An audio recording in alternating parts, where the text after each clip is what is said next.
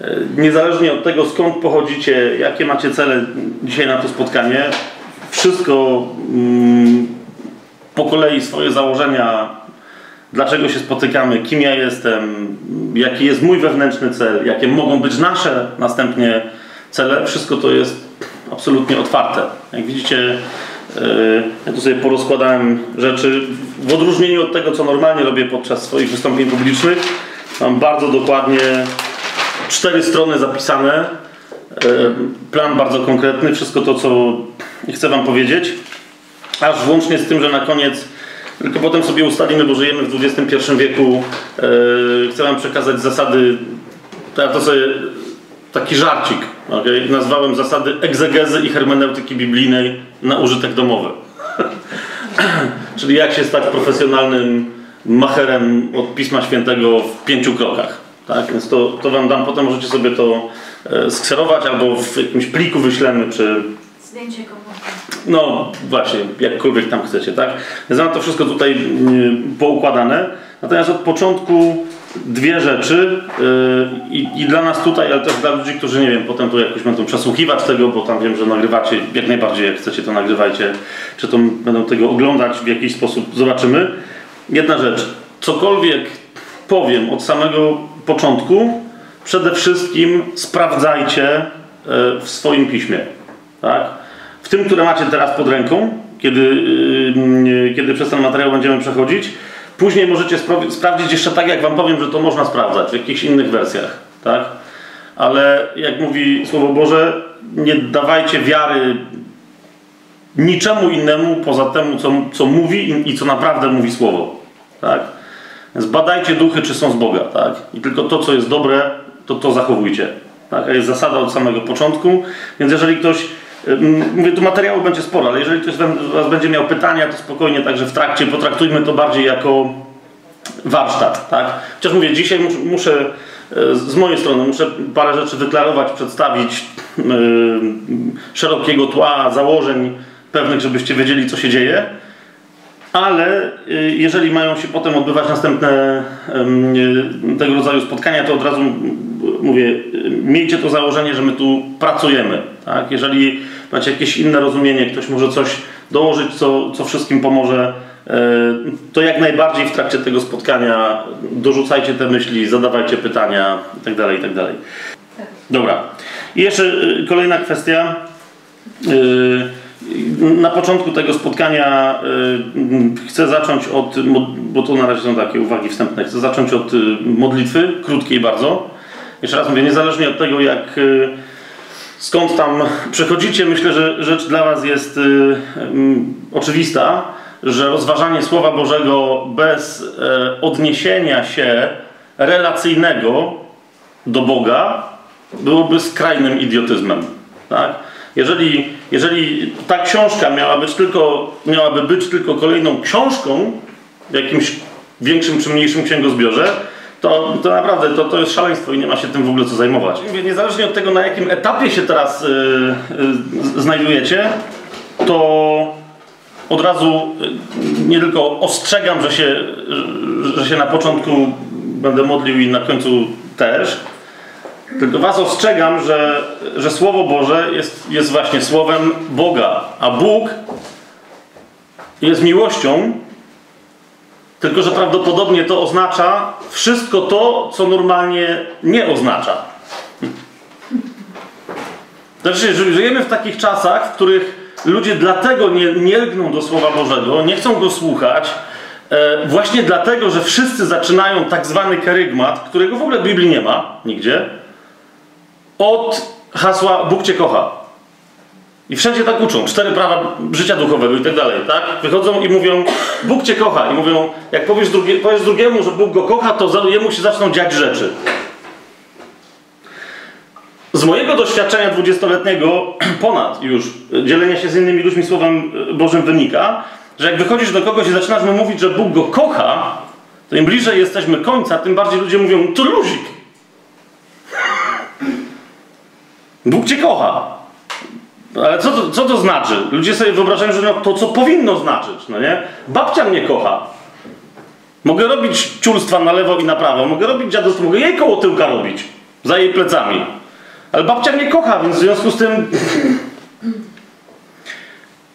to nie znaczy, że Bóg jest zły. Tak? Ja nie o to mi idzie, ale jeżeli Bóg jest miłością, to tak jak mówi list do Hebrajczyków, to znaczy, że jest ogniem trawiącym. Lub w innym tłumaczeniu, że jest ogniem pożerającym. Ok? A więc, żeby się móc do Niego zbliżyć jako do miłości i żeby tej miłości doświadczyć, trzeba najpierw spełnić dwa przynajmniej podstawowe warunki, żeby, żeby nie być pożartym przez ogień. Okay? Jeżeli się zbliżasz do Boga i masz spełnione te warunki, o których mówi Słowo, to, to wówczas jest tak jak Daniel, którego wrzucili do pieca ognistego. Tak? Wszyscy myśleli, że on tam spłonie, bo, bo oni nie bardzo nawet mogli z nim podejść. Tak był rozżarzony.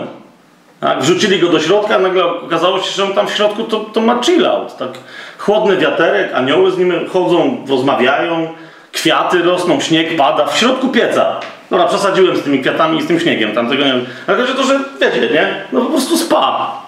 Dosyć swobodne. Natomiast, natomiast każdy inny, kto był do tego pieca wrzucony, nawet za specjalnie, jak mówi Słowo Boże, Księga Daniela, nawet tam za specjalnie nie dolatywał, bo już się zaczął palić. Tak? Zanim do tego pieca wpadł. A więc jeżeli Bóg jest miłością, to tak, ale jednocześnie jest dokładnie w tym samym czasie i w tym samym aspekcie jest ogniem pożerającym, tak? Jest sprawiedliwością. I, I nie ma w tych wszystkich jego aspektach żadnej sprzeczności. A zatem, yy, a zatem jak mówię, że, że ja się pomodlę na początek, żeby, żeby zacząć, to jednocześnie Wam mówię, każde rozważanie Słowa Bożego, do którego się podchodzi, bez zrozumienia, że musi się być dotkniętym, czy chcesz, czy nie chcesz, jest niebezpieczne. I stąd nie tylko mówię, że będę się modlić, ale też mówię, że wszędzie, gdzie się głosi Słowo Boże, gdzie się do niego podchodzi, tam tak czy siak duch Boga się modli. Niezależnie od tego, jaki ty masz związek z tym duchem, to on się nie modli gdzieś, rozumiesz? Nie, to nie jest gołąbek, który lata i ćwierka, czy tam grucha, co tam gołębie robią, ale to jest ktoś, kto stanowi o istocie Twojej egzystencji. Tak? Jak mówi Biblia w innym miejscu, człowiek to jest duch, dusza i ciało, a więc w swoim centrum ma ducha, a ten duch jest momentami prawie nie do odróżnienia duch człowieka od ducha Bożego. Więc on się będzie modlił w tobie.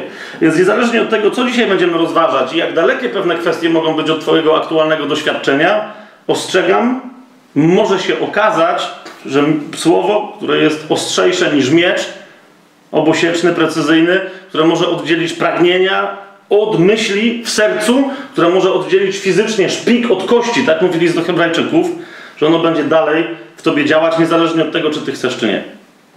Jasne? Ostrzegłem? Dobra.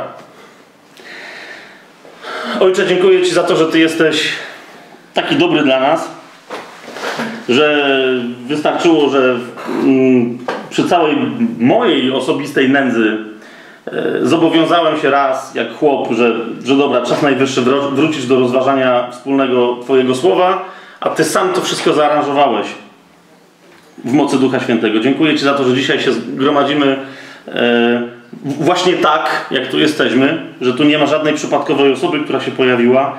I wierzę również, że, że, że z mojej strony nie pojawi się żadne przypadkowe słowo, żadnego, ani jednego więcej, ani też, że żadnego nie ujmę z tego, co, co Ty chcesz powiedzieć. Dziękuję Ci za to, że dajesz nam swojego ducha, aby on przy pomocy swojego miecza, którym jest słowo, nas przemieniał i formował. W imię Jezusa. Na chwałę Ojca w Duchu Świętym. Amen. Teraz tak.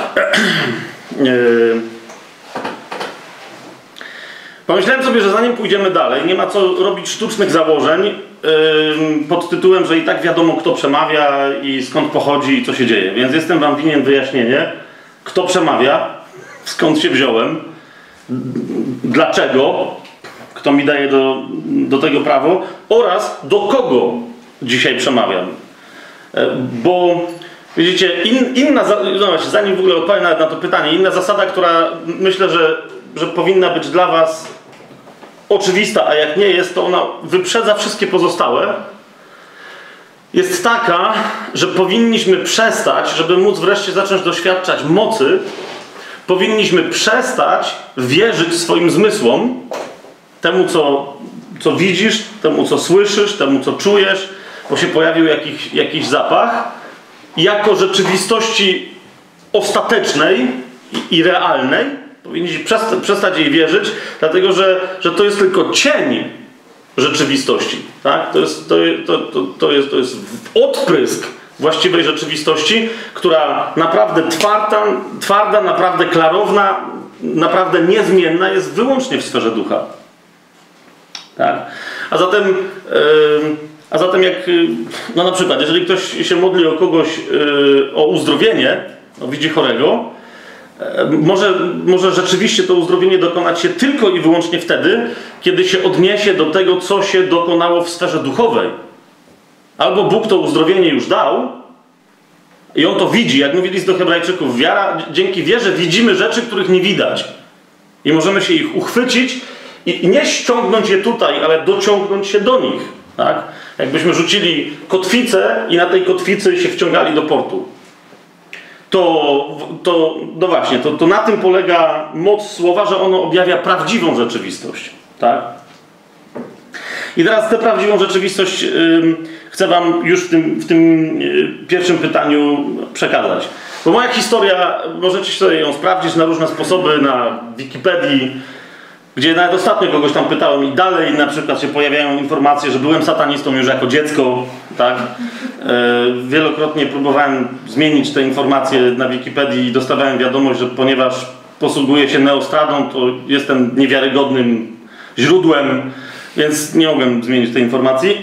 Ale mówię, możecie różne e, rzeczy na mój temat sprawdzić że byłem księdzem, że byłem zakonnikiem, e, jezuitą przez 20 lat, nominalnie, tak, bo, bo z tego zakonu się usunąłem tak yy, jakieś tam półtorej roku przed tym, jak, jak potem już oficjalnie to zostało yy, przypieczętowane decyzją zakonu, żeby mnie stwierdzić, że jestem usunięty.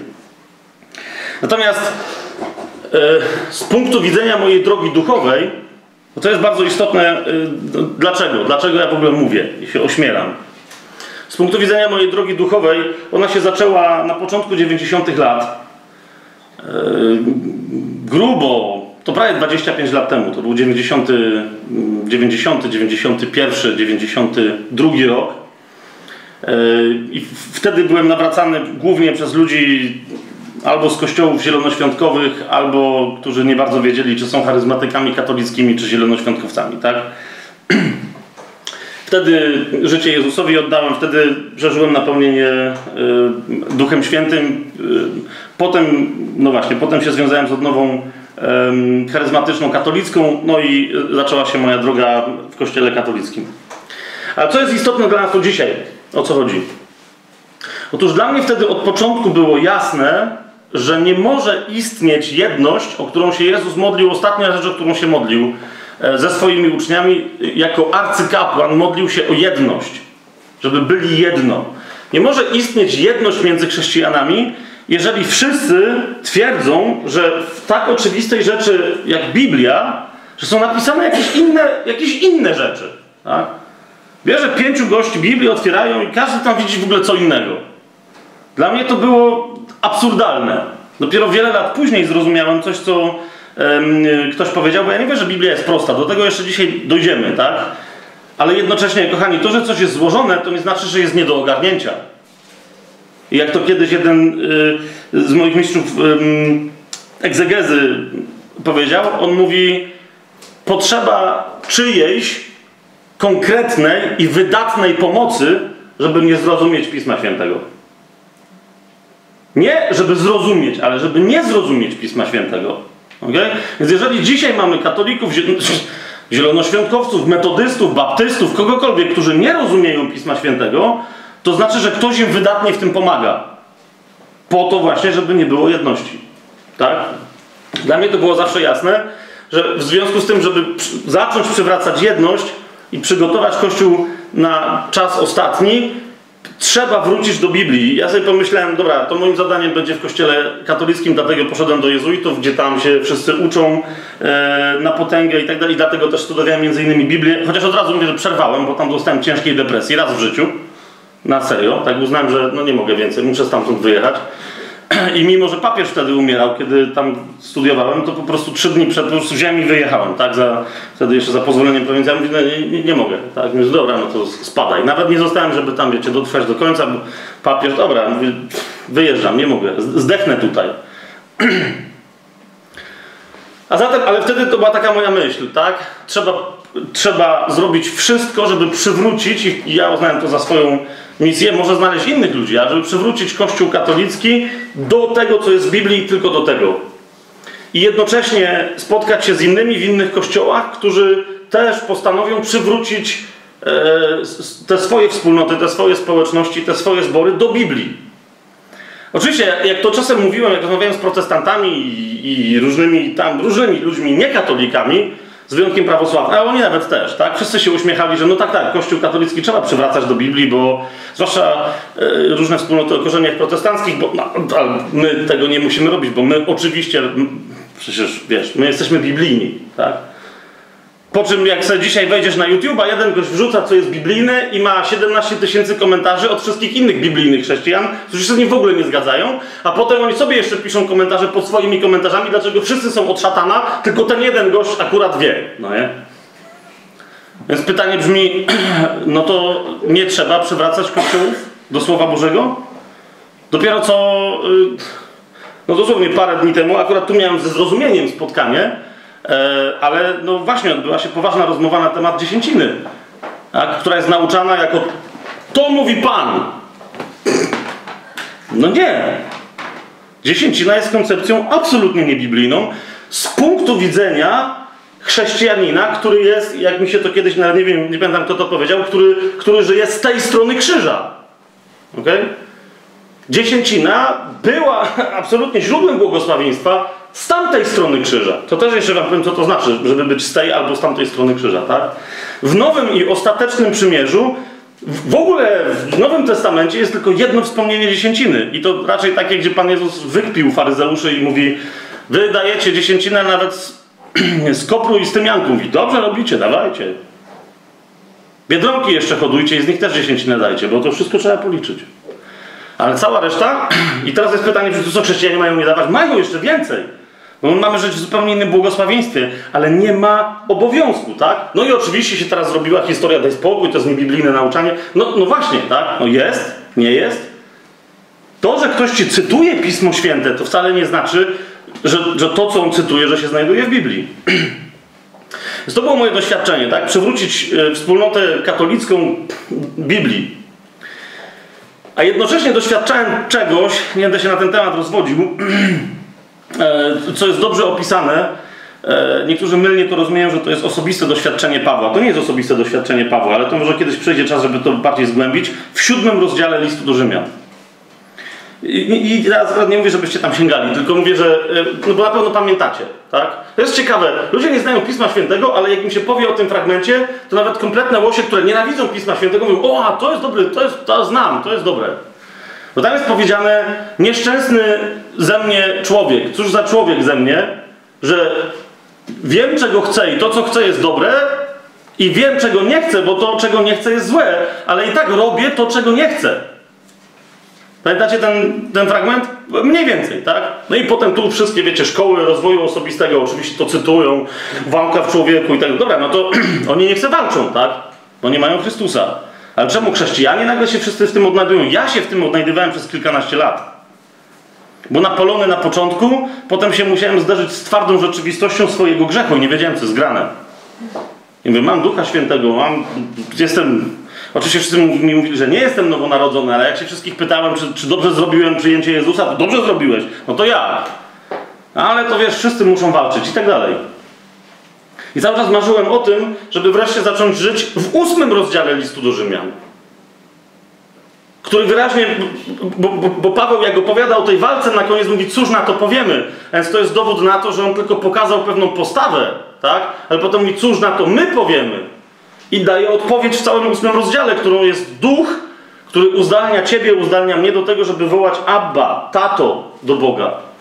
Który nagle sprawia, że Bóg, który miał tylko jednego syna, który się pojawił na tym świecie jako człowiek, jako Jeszua z Nazaretu, że, że nagle ten Bóg usynawia i ucórkawia nas. I jak mówi list do Rzymian, to nie jest tylko to, że ja sobie mogę wołać, bo co z tego, że ja sobie mogę wołać? Mogę, rozumiesz, pana Stefka spotkać na ulicy i im powiedzieć Abba i on, on szacunek, no nie? Przecież to nic nie znaczy. Chodzi o to, że nie tylko ja mogę wołać. I Rzymian w ósmym rozdziale mówi, że, że mogę wołać Abba, ojcze. I że to jest dowód na to, nie że sobie mogę tak wołać, tylko że jestem synem. A skoro jestem synem, to także dziedzicem. A jak jestem dziedzicem, to nagle się okazuje, że to jest tak jak w 15 rozdziale Ewangelii Łukasza, w którym to znaczy, że jestem przy Ojcu i że mogę zacząć świętować. Ten mówi, ojcze, no to ten marnotrawny syn przylazł i w ogóle co? I impreza jest, a ja cały czas jestem przy tobie i co? A ojciec mu mówi, właśnie no nie wiem co. Jesteś i to wszystko jest twoje, korzystajże wreszcie. A ja sobie myślałem tak, jak, jak mam korzystać, jak ja cały czas się zmagam w siódmym rozdziale ze swoją słabością, tak? Jako ksiądz, jako kleryk, jako tam, wiecie, sławny głosiciel jakichś tam rzeczy, bo się w pewnym momencie zrobiłem sławny i tak dalej, tak? I była jedna rzecz, która mnie wściekała. Gdzie jest ta moc? I druga rzecz, która mnie wściekała, to jest dlaczego mówię do tych ludzi, płyty nagrywamy, to się gdzieś rozchodzi. Ja mówię, dobra, kupujcie to, bierzcie za darmo, róbcie co chcecie, tak? I dlaczego potem nic się nie dzieje? Dalej, to, to była kolejna rzecz, moja potężna frustracja, rekolekcje, usługi wszelkiego rodzaju, e, walka na ulicy, czasem fizycznie nawet. Sataniści namalowali pentagram, pentagram, myśmy podlecieli, tam namalowaliśmy Jezus jest Panem, stoimy i... Zmieniacie? No nie, no to dobra, wygraliśmy, Jezus jest Panem. Ta, ja, mm. Kibic Wisły się we mnie odezwał, tylko sobie wybrałem klub teraz, Jezus jest Panem, no nie?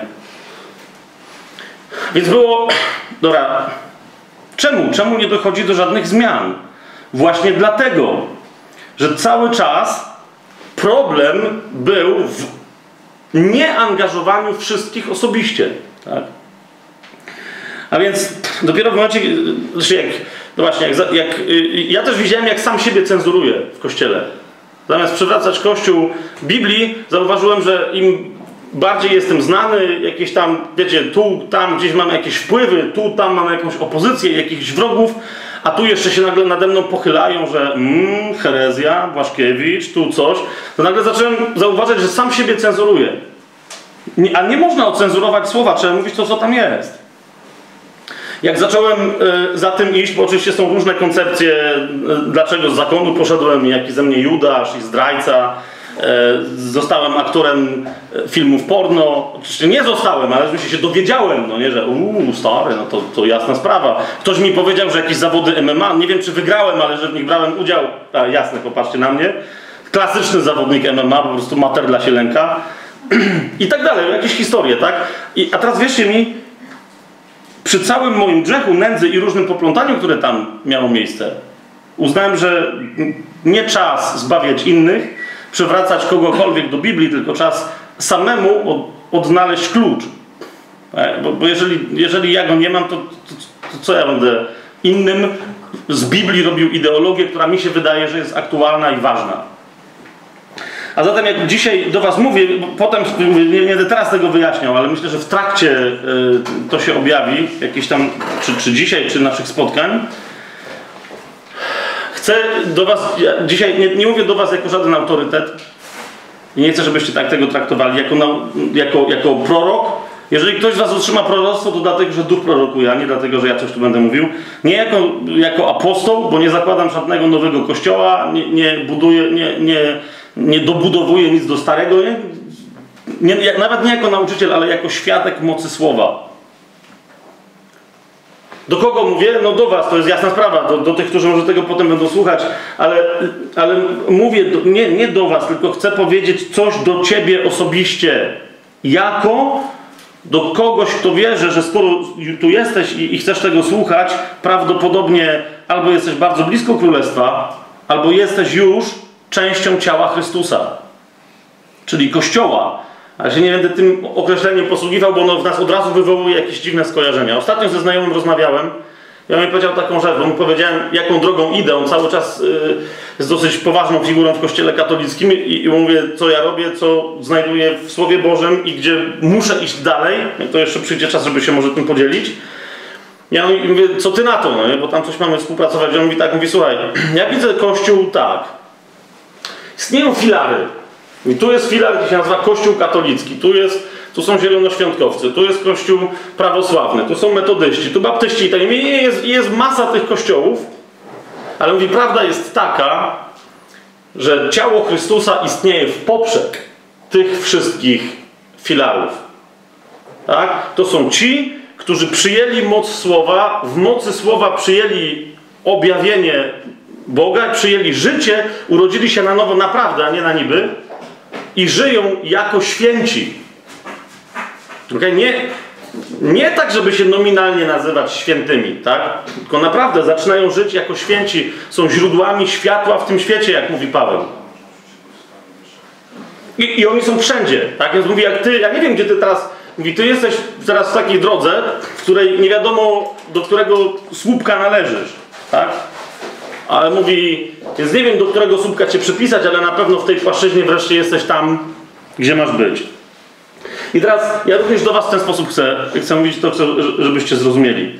Nie interesuje mnie absolutnie twoje pochodzenie, z jakiego kościoła jesteś.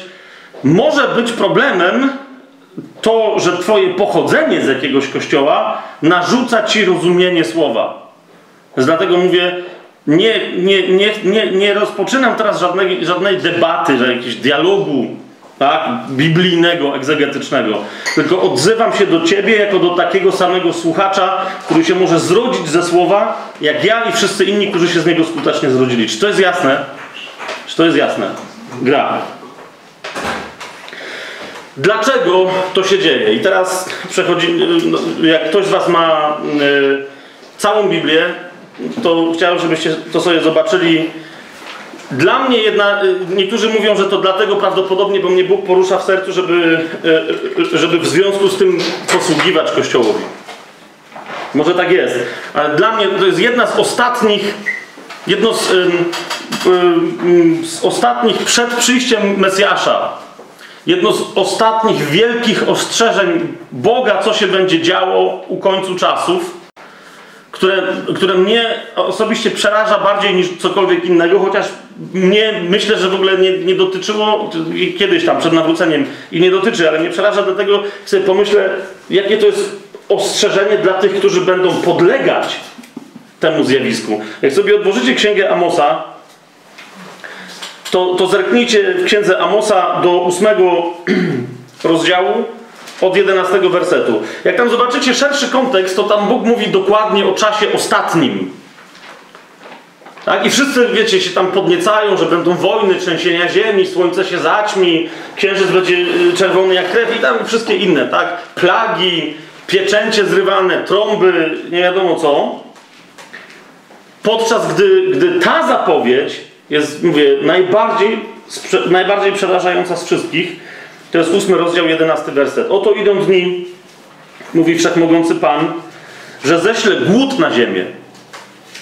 Ale nie głód chleba, ani nie pragnienie wody, lecz głód słuchania słów Pana.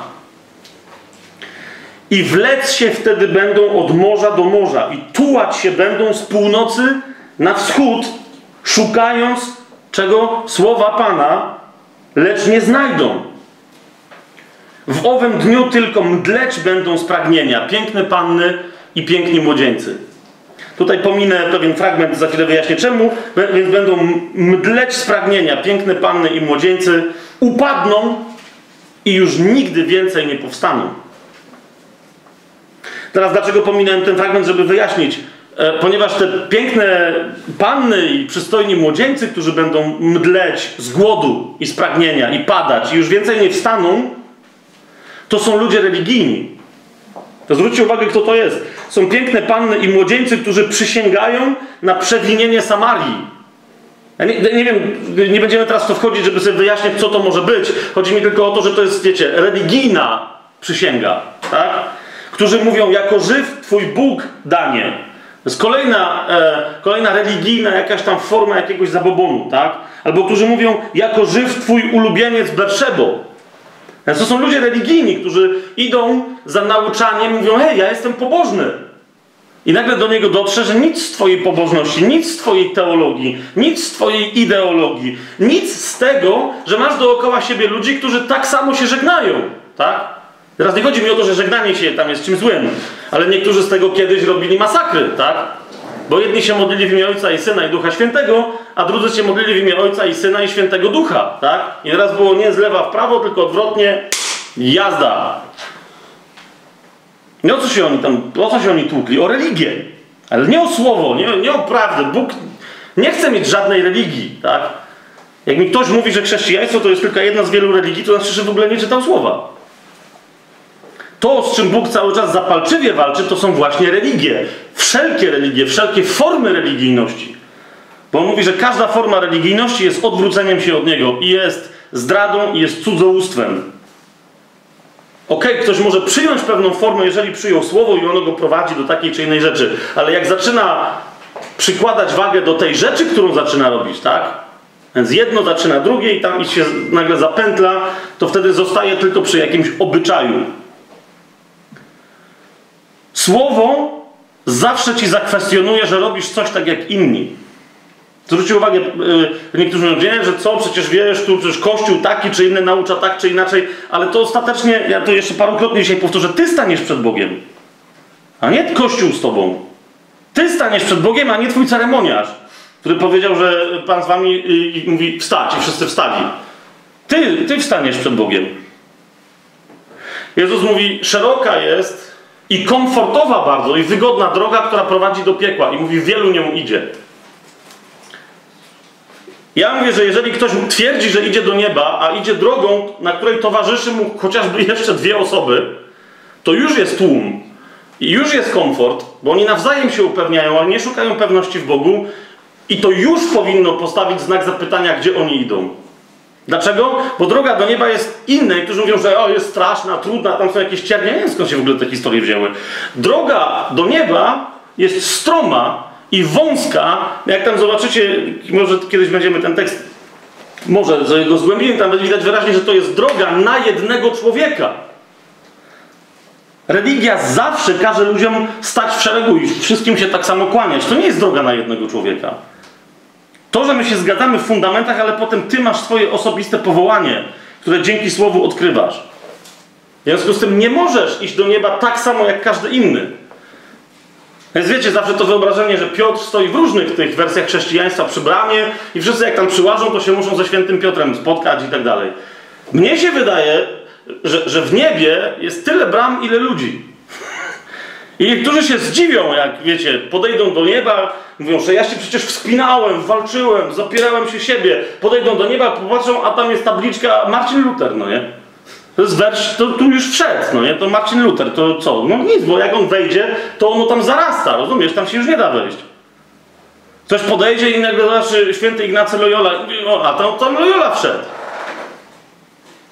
Rozumiesz? No i co? A ty się tam nawet nie zmieścisz. Nie pasujesz tam do tego przejścia. Gdzie jest twoje? No i wtedy niektórzy będą myśleli, że jeszcze zdążą obledzieć całe niebo, żeby znaleźć swoje drzwi, a to tam trzeba było do nich dojść.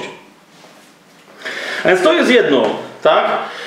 E, to jest słowo, które mnie oskarżyło ostatnio i dlatego powiedziałem, dobrze, nie, nie, będę trzymał pewnych rzeczy dla siebie, tylko podzielę się z tymi, którzy będą chcieli słuchać, ponieważ jak Amos tu mówił, że oto nadejdą dni, ja jestem przekonany, że w dzisiejszym czasie możemy powiedzieć, oto już zaczynają się dni. Kiedy Bóg ześle głód na ziemię, nie głód chleba ani pragnienie wody, ale głód słuchania słów Pana. Dlaczego tak myślę? Otwórzcie sobie y, drugi list do Tymoteusza i sami ze mną osądźcie.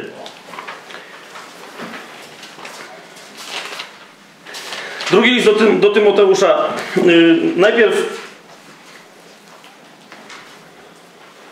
trzeci rozdział. Trzeci rozdział, pierwszy werset, zaraz od samego początku. Zobaczcie, co tutaj się dzieje. A to wiedz, to pisze Paweł do jednego ze swoich ulubionych współpracowników, do Tymoteusza, jak sama nazwa wskazuje, mówi to wiedz, że w dniach ostatecznych nastaną trudne czasy.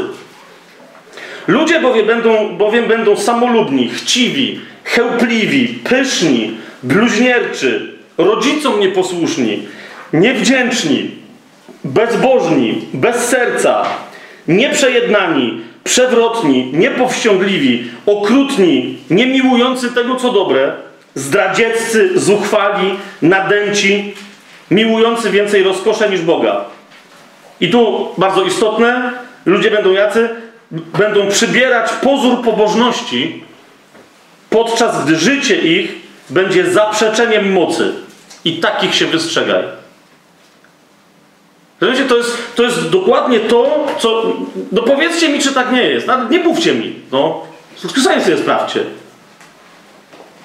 Kiedyś tam jeden mój znajomy żartował, że jakby przejechała karetka pogotowia do kościoła katolickiego e, z informacją, że ktoś dostał udaru mózgu, to by wszystkich wzięli. W każdym razie wszystkich spod chóru. Bo oni tam tak wyglądają. Tak? To się przejdźcie do innego kościoła, nie wiem, luterańskiego. Ja nie wiem, może tam są jakieś szały. Tak? Ale jakby się działy szały w kościołach, w społecznościach, w zborach, jakby się działy szały, to by tam ludzie przychodzili.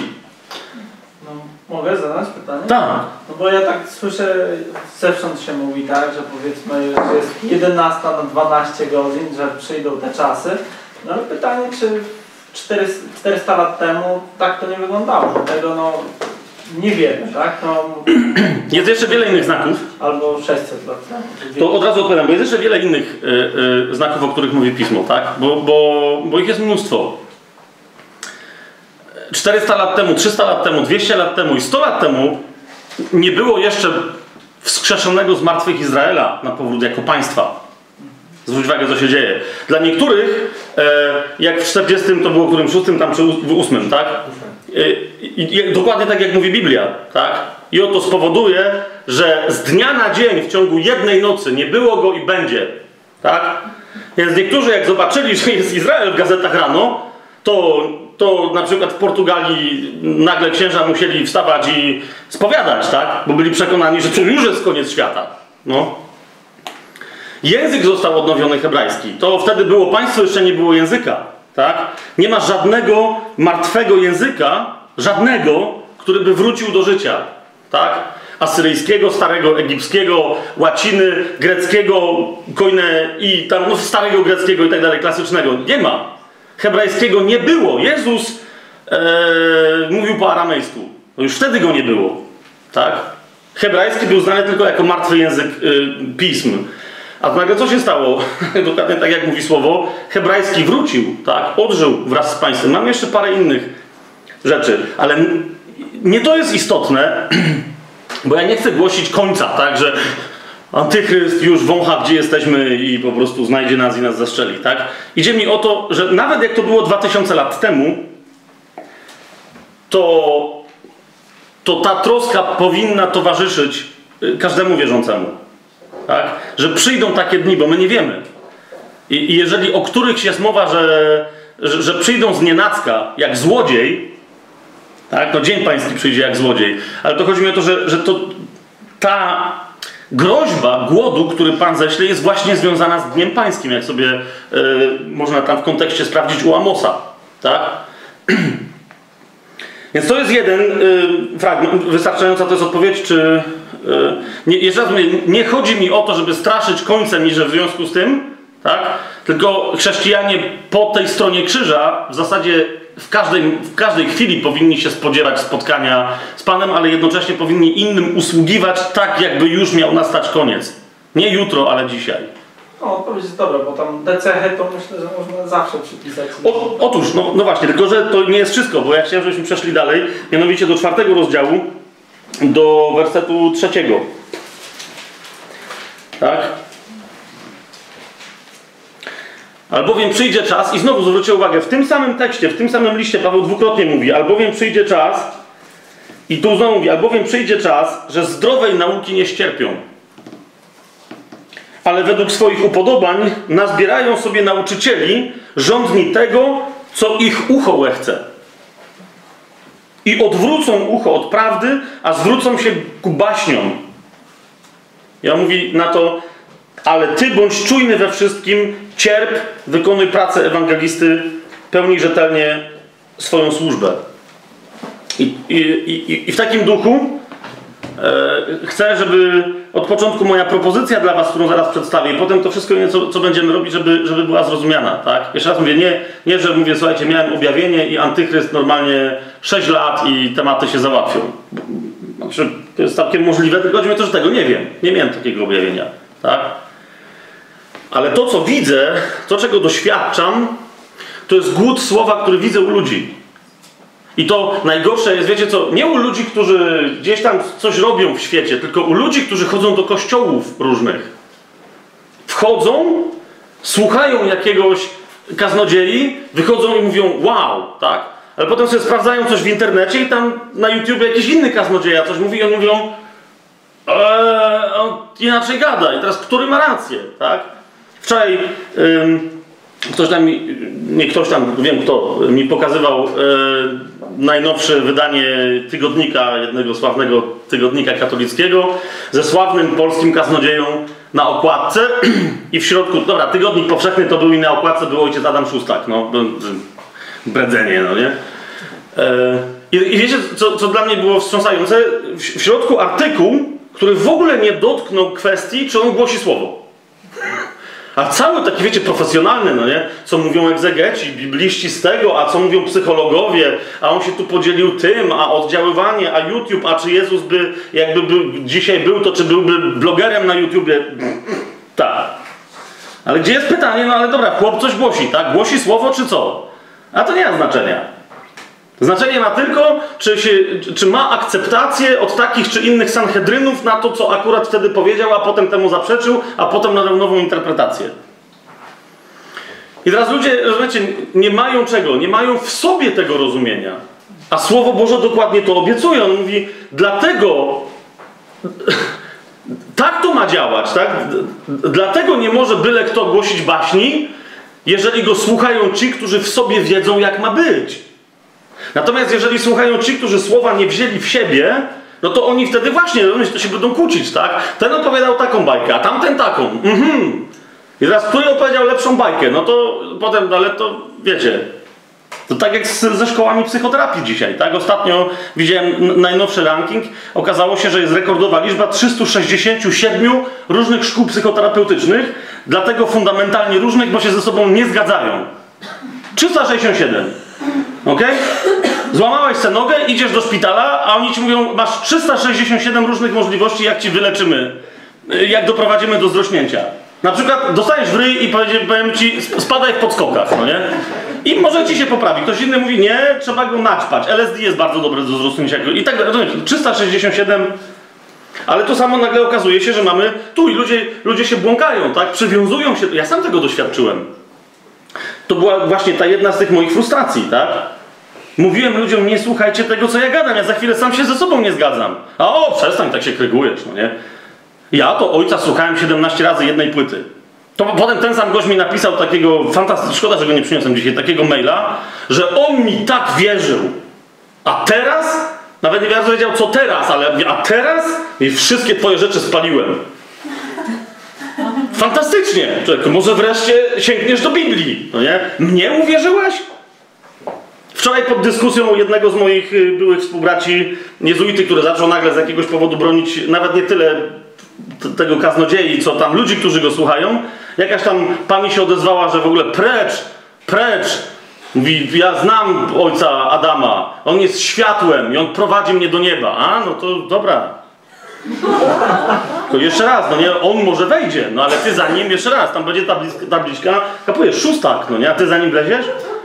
No i co, się dziwi, tam, tam się może wielu roz, rozczaskać, no nie, bo tam drzwi będą dosyć wąskie, mimo że Adam jest dosyć potężnym chłopem, tak, ale tam w niebie duch jest cieniutki, no nie, tam nikt więcej nie przejdzie, tylko ten, co trzeba. Otóż co, co wam chcę zaproponować i potem to będę uzasadniał, a jak uzasadnię, to, to jednocześnie chcę wam pokazać w słowie.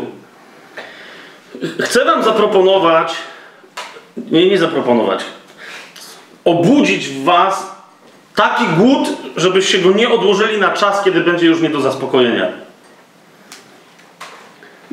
nieodparte pragnienie sięgnięcia po słowo, napełnienia się nim i odżycia w nim i życia tylko na nim. Bo nie samym chlebem żyje człowiek. Jak przychodzi szatan do niego i go zaczyna kusić, oczywiście czym go kusi? No właśnie, fałszywym słowem. Tak? Każe mu się, jesteś głodny, może zjedz, a on mówi nie, nie, nie samym chlebem żyje człowiek i nierozumieniem, które jest zmysłowe, ale wszystkim, co naprawdę pochodzi z ust Boga.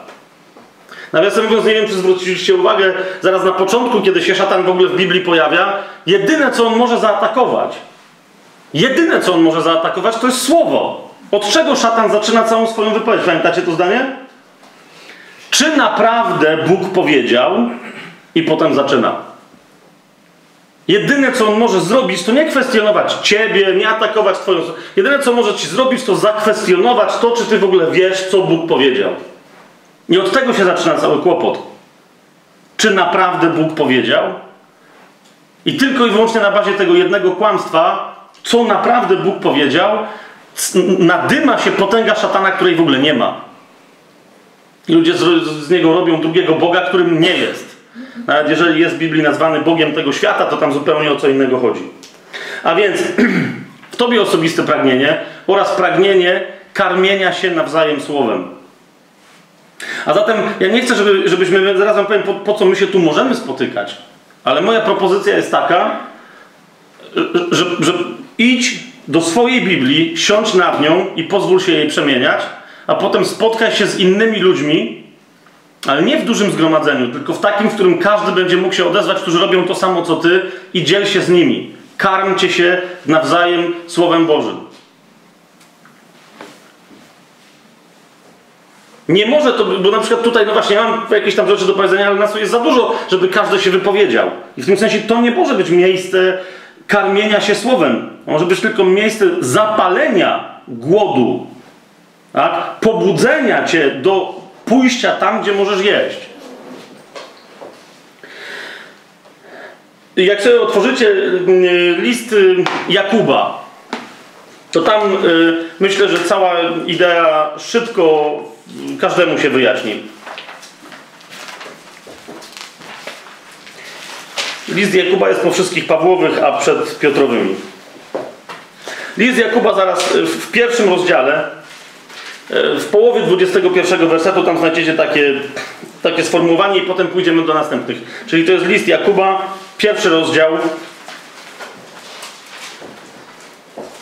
Pierwszy rozdział, werset 21 i potem następny. Yy, czyli odrzućcie wszelki brud i nadmiar złości, a potem jest przyjmijcie z łagodnością wszczepione w was słowo, które może zbawić dusze wasze. Jak, co to potem zrobić? Jak, jak, jak to się upewnić, że słowo w ciebie jest wszczepione? To jest, ale właśnie przyjmijcie. I potem mówi co? I bądźcie wykonawcami słowa, a nie tylko słuchaczami oszukującymi samych siebie. Ktoś powie, no a ja, ja jestem słuchaczem nie oszukującym samych siebie. Jeżeli jesteś słuchaczem, a nie wykonawcą, to jesteś słuchaczem oszukującym samym siebie, samego siebie. Co to znaczy być słuchaczem, który siebie oszukuje, a co, a co znaczy być wykonawcą? 23 werset. Bo jeśli ktoś jest słuchaczem słowa, a nie wykonawcą, to podobny jest do człowieka, który w zwierciadle przygląda się swojemu naturalnemu obliczu, czy też odbiciu tego oblicza. Przypatrzył się sobie i odszedł, i zaraz zapomniał, jaki jest. To nawiasem mówiąc, y, świetnie pokazuje zasadniczo większość tego, co ludzie robią na przykład w szkołach rozwoju osobistego, w kursach motywacyjnych itd. itd., itd. Nie, nie patrzą się temu, na, przyglądają temu, co naprawdę może być, po temu potencjałowi, który Bóg w nich złożył, tylko się patrzą temu, co ciało im mówi, że jest możliwe. I to wszystko. Przy, przyjrzeli się sobie, mówią, o super, wszyscy, aaa, marynara, ale potem wracają i jest koniec, tak? Bo co widzą? Tylko tyle, co, co i tak już widzieli. I jeżeli ktoś tylko słucha słowa, wiecie, ja w ciągu ostatnich dwóch miesięcy widziałem ludzi, którzy tego samego dnia usłyszeli słowo, i o tym możemy kiedy indziej porozmawiać, bo to nie jest temat, ale to wam chcę powiedzieć, tak? Którzy tego samego dnia usłyszeli słowo, przejęli się nim, zaczęli je wykonywać. Będąc kompletnymi poganami, zapytali tak jak, tak jak Eunuch królowej y, etiopskiej Kandaki, tak? Jak zapytał Filipa, mówi co przeszkadza, że- żebym się ochrzcił, tak? Czy inni się pytają, jak mam być zbawiony? Konkretne pytanie, konkretna odpowiedź. Ja mówię, no to ochrzczę cię, tak? Ludzi, którzy byli kompletnymi poganami, przyjęli chrzest, zostały z nich wyrzucone demony, jeszcze w tej samej godzinie zaczęli się uczyć, o czym mówi Biblia, podstawowa dobra nowina, uwierzyli słowu, że tym, którzy uwierzą, takie znaki towarzyszyć będą, na przykład na chorych położą ręce i będą zdrowi, poszli w tym samym, rozumiecie, w tej samej galerii handlowej. Poszli do następnej osoby, nie głosić, ale sprawdzić, czy są znaki, tak? Bo mają do tego prawo. Położyli ręce i tam jeden wstał z wózka, drugi odrzucił kulę, trzeciemu przeszedł ból głowy. Okay? I oni jak wracali do domu, już byli gotowi kupić sobie Biblię, czytać ją, spotkać innych, którzy tego doświadczyli i iść dalej. Wykonywać słowo. A z drugiej strony znam ludzi, którzy siedzą 40 lat w kościele i marzą o tym, no ale oni tam mają powiedziane, że mają słuchać i że kiedyś coś się stanie. I nawet nie wiedzą, jak mieliby zacząć wykonywać. Rozumiecie, o co mi chodzi? To nie jest krytyka absolutnie żadnego układu kościelnego czy czegokolwiek, tylko mówię o tym, że, że często bywa tak, że sama struktura danej społeczności powoduje, że ludzie myślą, że to jest najlepszy sposób rozwiązania, że mają słuchać.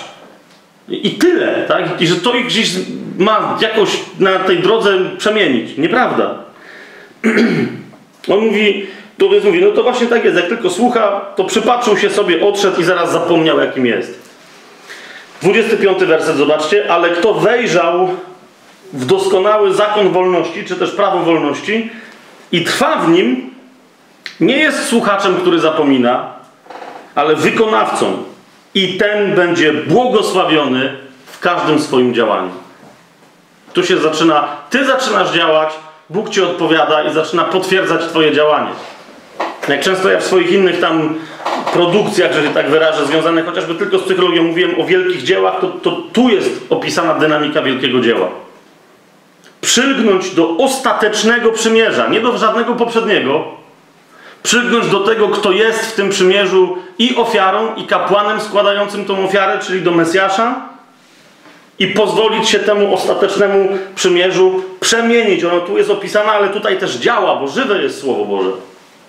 I wtedy zaczynają się e, dziać rzeczy pod warunkiem, że ty na nie odpowiadasz, nie tylko słuchasz i myślisz, że wierzysz, bo wiara bez uczynków, ten sam Jakub z tego samego listu powie, że jest martwa. Tak? Ale potwierdzasz swoim działaniem to, co Bóg ci poddaje, żeby, żebyś mógł w to wierzyć. Yy, dlaczego mówię, że do niektórzy mówią, no dobra, no ale wiesz, no, ale inni są mniej dynamiczni, mogą, wiesz, zaczekać, Bóg ma swoje czasy. Otwórzcie sobie list do Hebrajczyków i zobaczcie, bo powiem tak, bo jak nie to, czyli jak nie przyjmiesz z łagodnością, ale jednocześnie nie staniesz się wykonawcą, to jak nie to, to list do Hebrajczyków sobie otwórzcie, szósty rozdział. Który jeszcze raz? Szósty rozdział, list do Hebrajczyków, szósty rozdział. Tam wcześniej jest opisane, y, że ludzie, którzy uwierzyli, co robią, tak? Y, I, i, I tam jest podsumowanie w trzecim wersecie, w szóstym rozdziale, to właśnie uczynimy, jeśli Bóg pozwoli. Tam jest różne tam historie, co będziemy robić, tak? Co, co się nam udało zrobić. I teraz czwarty werset, zobaczcie, co to jest napisane. Jest bowiem rzeczą niemożliwą, żeby tych, którzy raz zostali oświeceni i zakosztowali daru niebiańskiego i stali się uczestnikami Ducha Świętego i zakosztowali Słowa Bożego, że jest dobre oraz cudownych mocy wieku przyszłego, tak? Czyli, że zakosztowali słowa, że jest dobre i jeszcze zakosztowali cudownych mocy wieku przyszłego. Gdy odpadli, jest niemożliwe, żeby powtórnie odnowić i przywieść do pokuty, ponieważ oni sami ponownie krzyżują Syna Bożego i wystawiają Go na urągowisko. I, I list do Hebrajczyków mówi, i tu już nie ma. Jeszcze w wielu innych miejscach, i list do Hebrajczyków, i inne listy o tym mówią. Bardzo często religijność, ludzie mówią, ale przecież coś się stało. Doświadczyłeś tego, doświadczyłeś tamtego, popatrz, byłeś we wspólnocie, ludzie tam padali. Ktoś powie, ja sam padłem, duch mnie dotknął. No dobrze, teraz co jest dalej? Zakosztowałem słowa, ktoś miał słowo poznanie, ktoś przeczytałem słowo z Biblii i okazało się, wow, rozumiem, porusza mnie to, ale co jest dalej? Jeżeli nie znajdziesz sobie drogi bycia wykonawcą słowa, to musisz uznać, to nie chodzi o to, że ja kogoś straszę, tak? tylko po prostu, że jest inna możliwość. Są tacy w kościele, którzy mówią: Ej, no ja odmówiłem modlitwę, przyjąłem Jezusa jako swojego zbawiciela, przyjąłem go jako Pana i luzik, ja już jestem zbawiony. No to mi wytłumacz w takim razie, o co chodzi tutaj. To mi wytłumacz, o co chodzi yy, w 10 czy 11 chociażby rozdziale, tak? Listu do Hebrajczyków, gdzie jest powiedziane, że, że, że, że można odpaść i dla tych, dla, dla tych, którzy odpadli, to już tylko przerażające oczekiwanie na sąd, nic, nic więcej. To jest jedyne ich doświadczenie.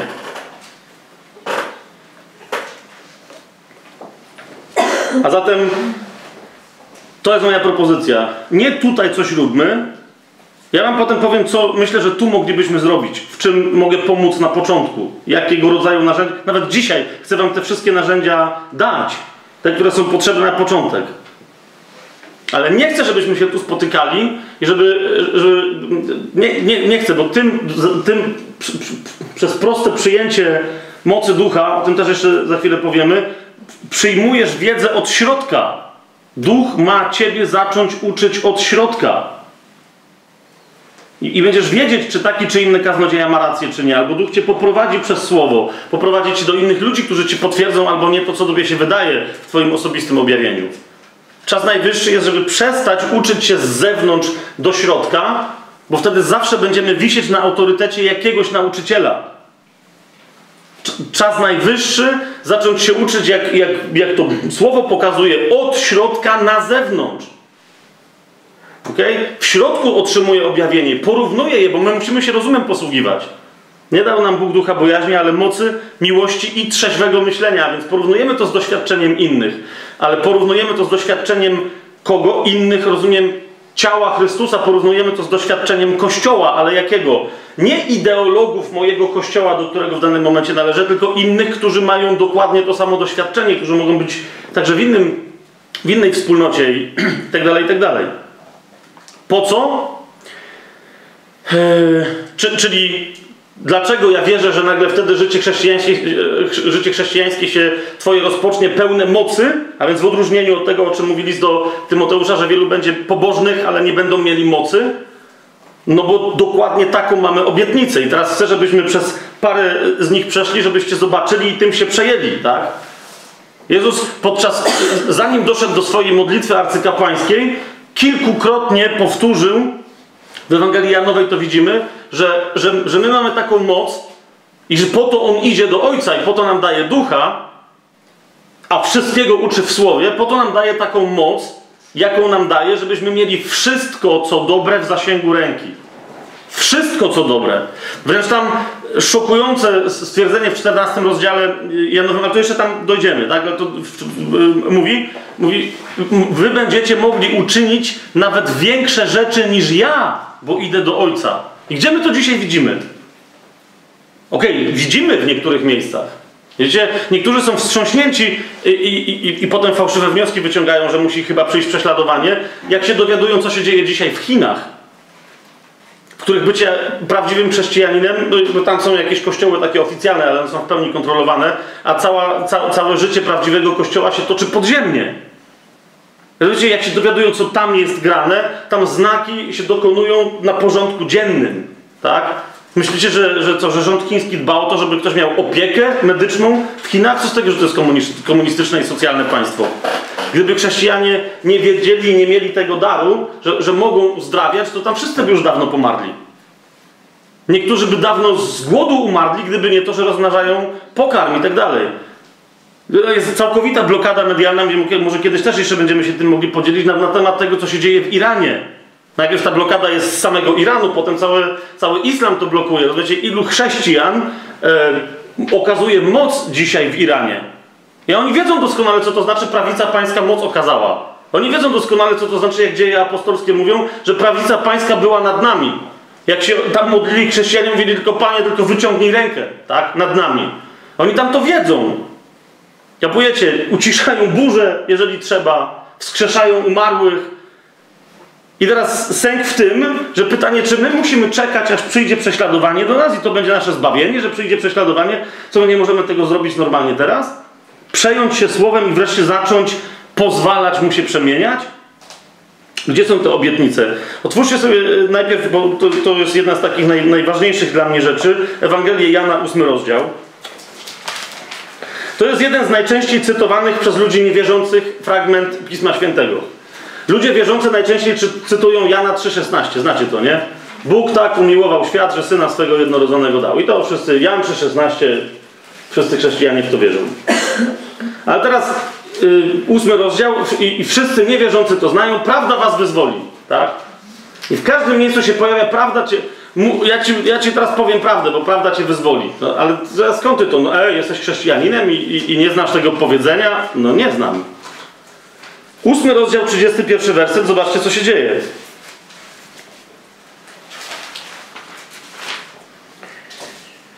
Mówił więc Jezus do Żydów, którzy uwierzyli w Niego. To jest bardzo istotne. Nie do Żydów, którzy nie wierzyli w Niego, ale do tych, którzy w Niego uwierzyli. Mówił więc do nich, jeżeli wytrwacie w Słowie moim. Widzicie to? Że, bo tak niektórzy się zdziwili, co, tam, co, ja, co ja czytam. Niektórzy też skądś w tym miejscu biorą miłość i mówią, jeżeli wytrwacie w miłości mojej. No najlepiej się z miłością zasłaniać. To jest konkret. Jeżeli wytrwacie w Słowie moim. Nie w swoim, nie w swoim rozumieniu tego, co, co, co to jest słowo, ale w moim słowie, mówi Jezus. Jeżeli wytrwacie w moim słowie, prawdziwie będziecie moimi uczniami i wtedy poznacie prawdę, a prawda was wyzwoli. A więc to, rozumiecie, to nie o to chodzi, że, że ktoś komuś mówi to, co on myśli, że jest prawdą i on nagle, wiecie, wyzwala drugiego, tak? Byli tacy, co niektórych w obozach koncentracyjnych przy pomocy pracy wyzwalali. Oni też mówili, że, że, to, że to będzie wyzwolenie dla nich, no nie? Jeszcze raz, wyzwolenie, do, może, wyzwolenia może, czyli wolności prawdziwej może doświadczyć tylko uczeń Jezusa, a tym jest ten, kto wytrwa, kto trwa w Jego Słowie. Idziemy dalej. Otwórzcie sobie tę samą Ewangelię Janową, 15 rozdział. I teraz tych zapewnień jest więcej, jak się dobrze przyjrzycie, naprawdę takich osobnych, e, dosłownie obok siebie e, są cztery, ale chcę jedno tak dla przykładu wam pokazać, to jest 15 rozdział, 7 werset. Zobaczcie, znowu jest bardzo jasne zaznaczenie. Bo niektórzy mówią, no ja się modlę do Boga i co? I nie uzdrowił mojej babci. Ale czy wypełniłeś warunek? 15 rozdział 7 werset. Jeżeli we mnie trwać będziecie i słowa moje w was trwać będą. Proście o cokolwiek zechcecie, a stanie się wam. Kropka.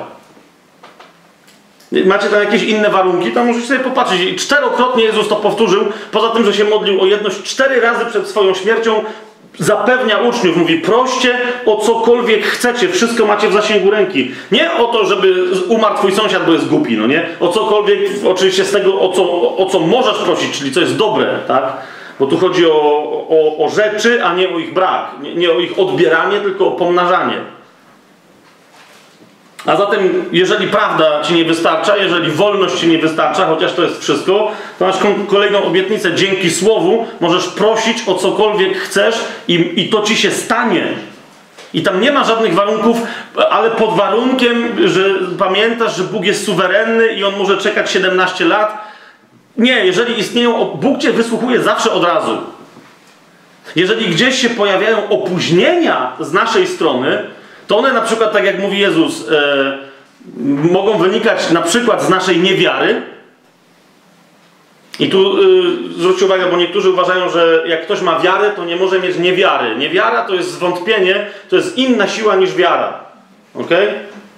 I dlatego Jezus mówi, wystarczy, że będziecie mieli wiarę małą jak ziarenko gorczycy. Wystarczy. Tylko pamiętaj o tym, że nie możesz mieć ani ziarenka niewiary.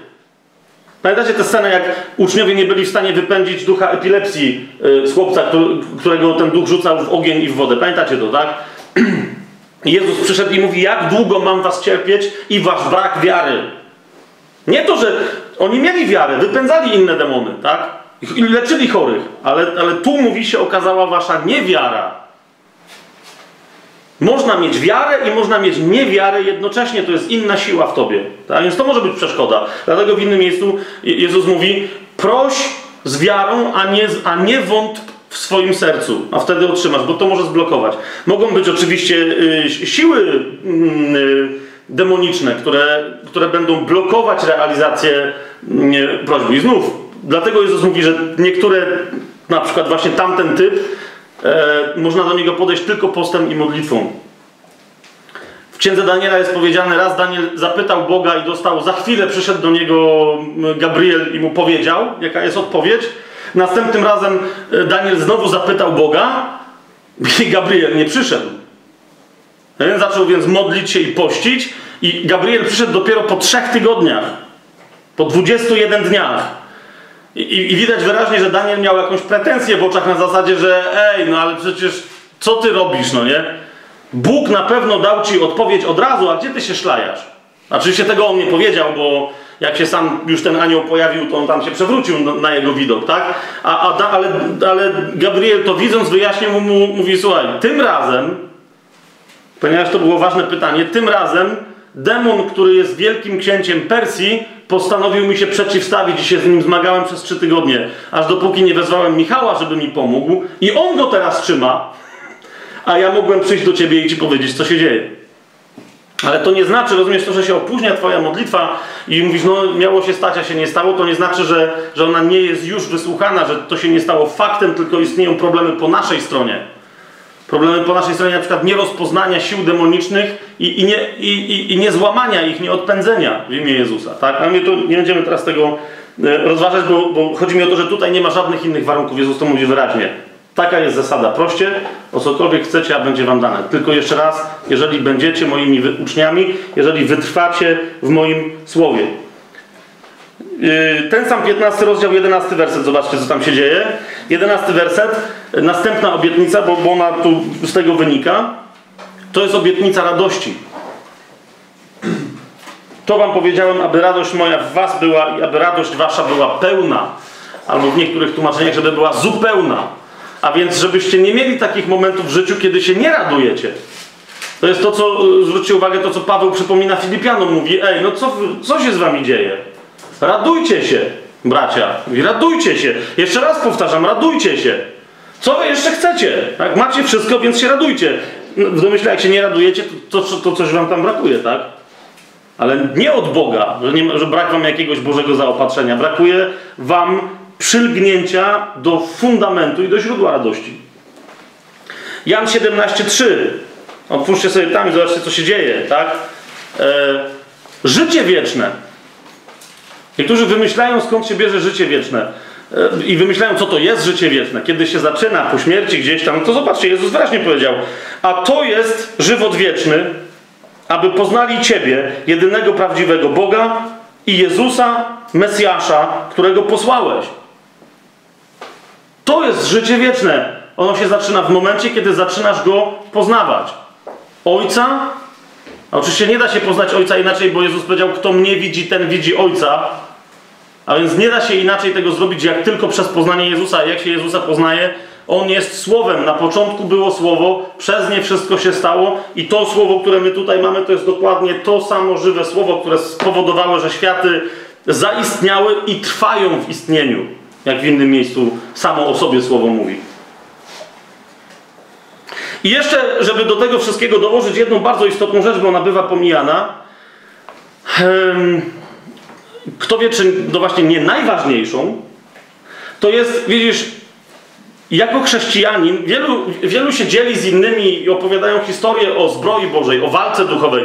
Nie toczymy walki przeciw krwi i ciału, ale przeciwko pierwiastkom duchowym zła na wyżynach niebieskich. Dobra, dobra, wszystko gra.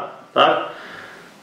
Ale zwróć uwagę, że w tej walce tak zwana zbroja Boża opisana y, w liście do Efezjan w szóstym rozdziale, możecie sobie tam to otworzyć, żeby na to zerknąć. Y, zwróć uwagę, wszystko co tam jest opisane, to jest coś, my po polsku mamy dziwne słowo, bo my na, na wszystkie te rzeczy mówimy broń, które de facto nie służą do, do, do, do, bronienia się, tylko do atakowania. List do Efezjan to jest szósty rozdział. Zauważcie, jedno jedyne narzędzie, które ma charakter ofensywny, Jedyne, nie ma żadnego innego, które, które jest ci dostępne. Cała reszta, tarcza, hełm, tam przyłbica, tak, puklerz, to są wszystko rzeczy, które mają cię bronić przed atakami złego. Jest jedna, jedyna tylko i wyłącznie rzecz, przy pomocy której możesz niszczyć złego. To jest co? List do Efezjan, zobaczcie, szósty rozdział, 17 werset. Weźcie przyłbicę zbawienia, a to, to, to nie, nie, że nieważne, ale to nas teraz nie interesuje, i miecz ducha, którym jest co? Słowo Boże. Nie masz jako chrześcijanin żadnej innej, żadnego narzędzia ofensywy, ataku, jak tylko Słowo Boże. I nie ma, że ktoś mówi, a ja mam dar modlitwy. Jeżeli się ta modlitwa nie opiera na słowie, to nie, to, to nie ma żadnego daru. Okay? Twoja modlitwa może się stać ofensywna, jeżeli ona wynika ze zgłębiania słowa, z, prze, z, z pozwolenia, by słowo przeniknęło swoją mocą moc Twojej modlitwy. Ja wyrzucam demony, ja uzdrawiam, a ja się modlę wstawienniczo za misjonarzy w Chinach. Super! Ale na bazie czego? Na bazie tego, że ty masz swoje wysiłki Bogu przedstawiasz, czy na bazie mocy, którą ci daje Słowo? Bo jeżeli nie, to są twoje wysiłki, to twoje wysiłki muszą spełznąć absolutnie na niczym. Teraz, czy, czy to jest jasne, do czego ja was zachęcam? O, o, o, co tu idzie? Co, jak mówią Amerykanie, what's at stake? O co, o, o co tu się cała walka toczy? Jeszcze raz. Co możecie zrobić?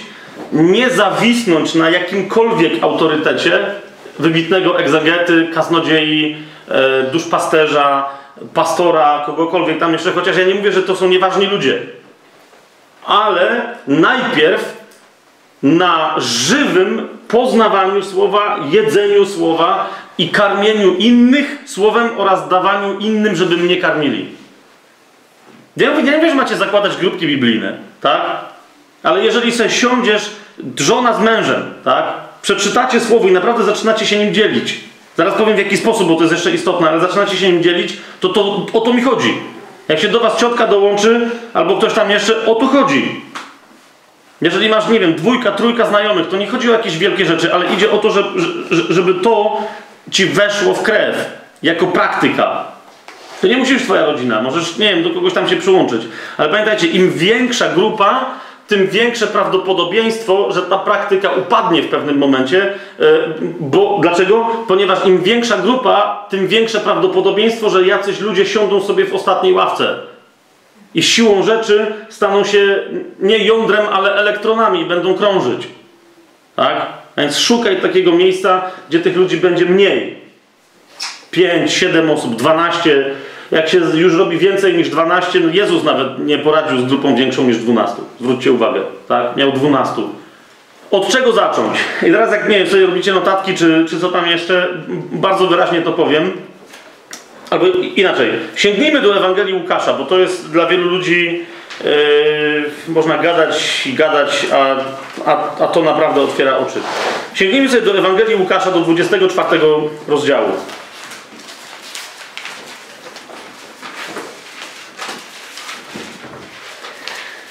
Yy, tam są historie, Jezus już zmartwychwstał, ale w 24 rozdziale, yy, jakbyśmy od razu przeskoczyli do 25 wersetu.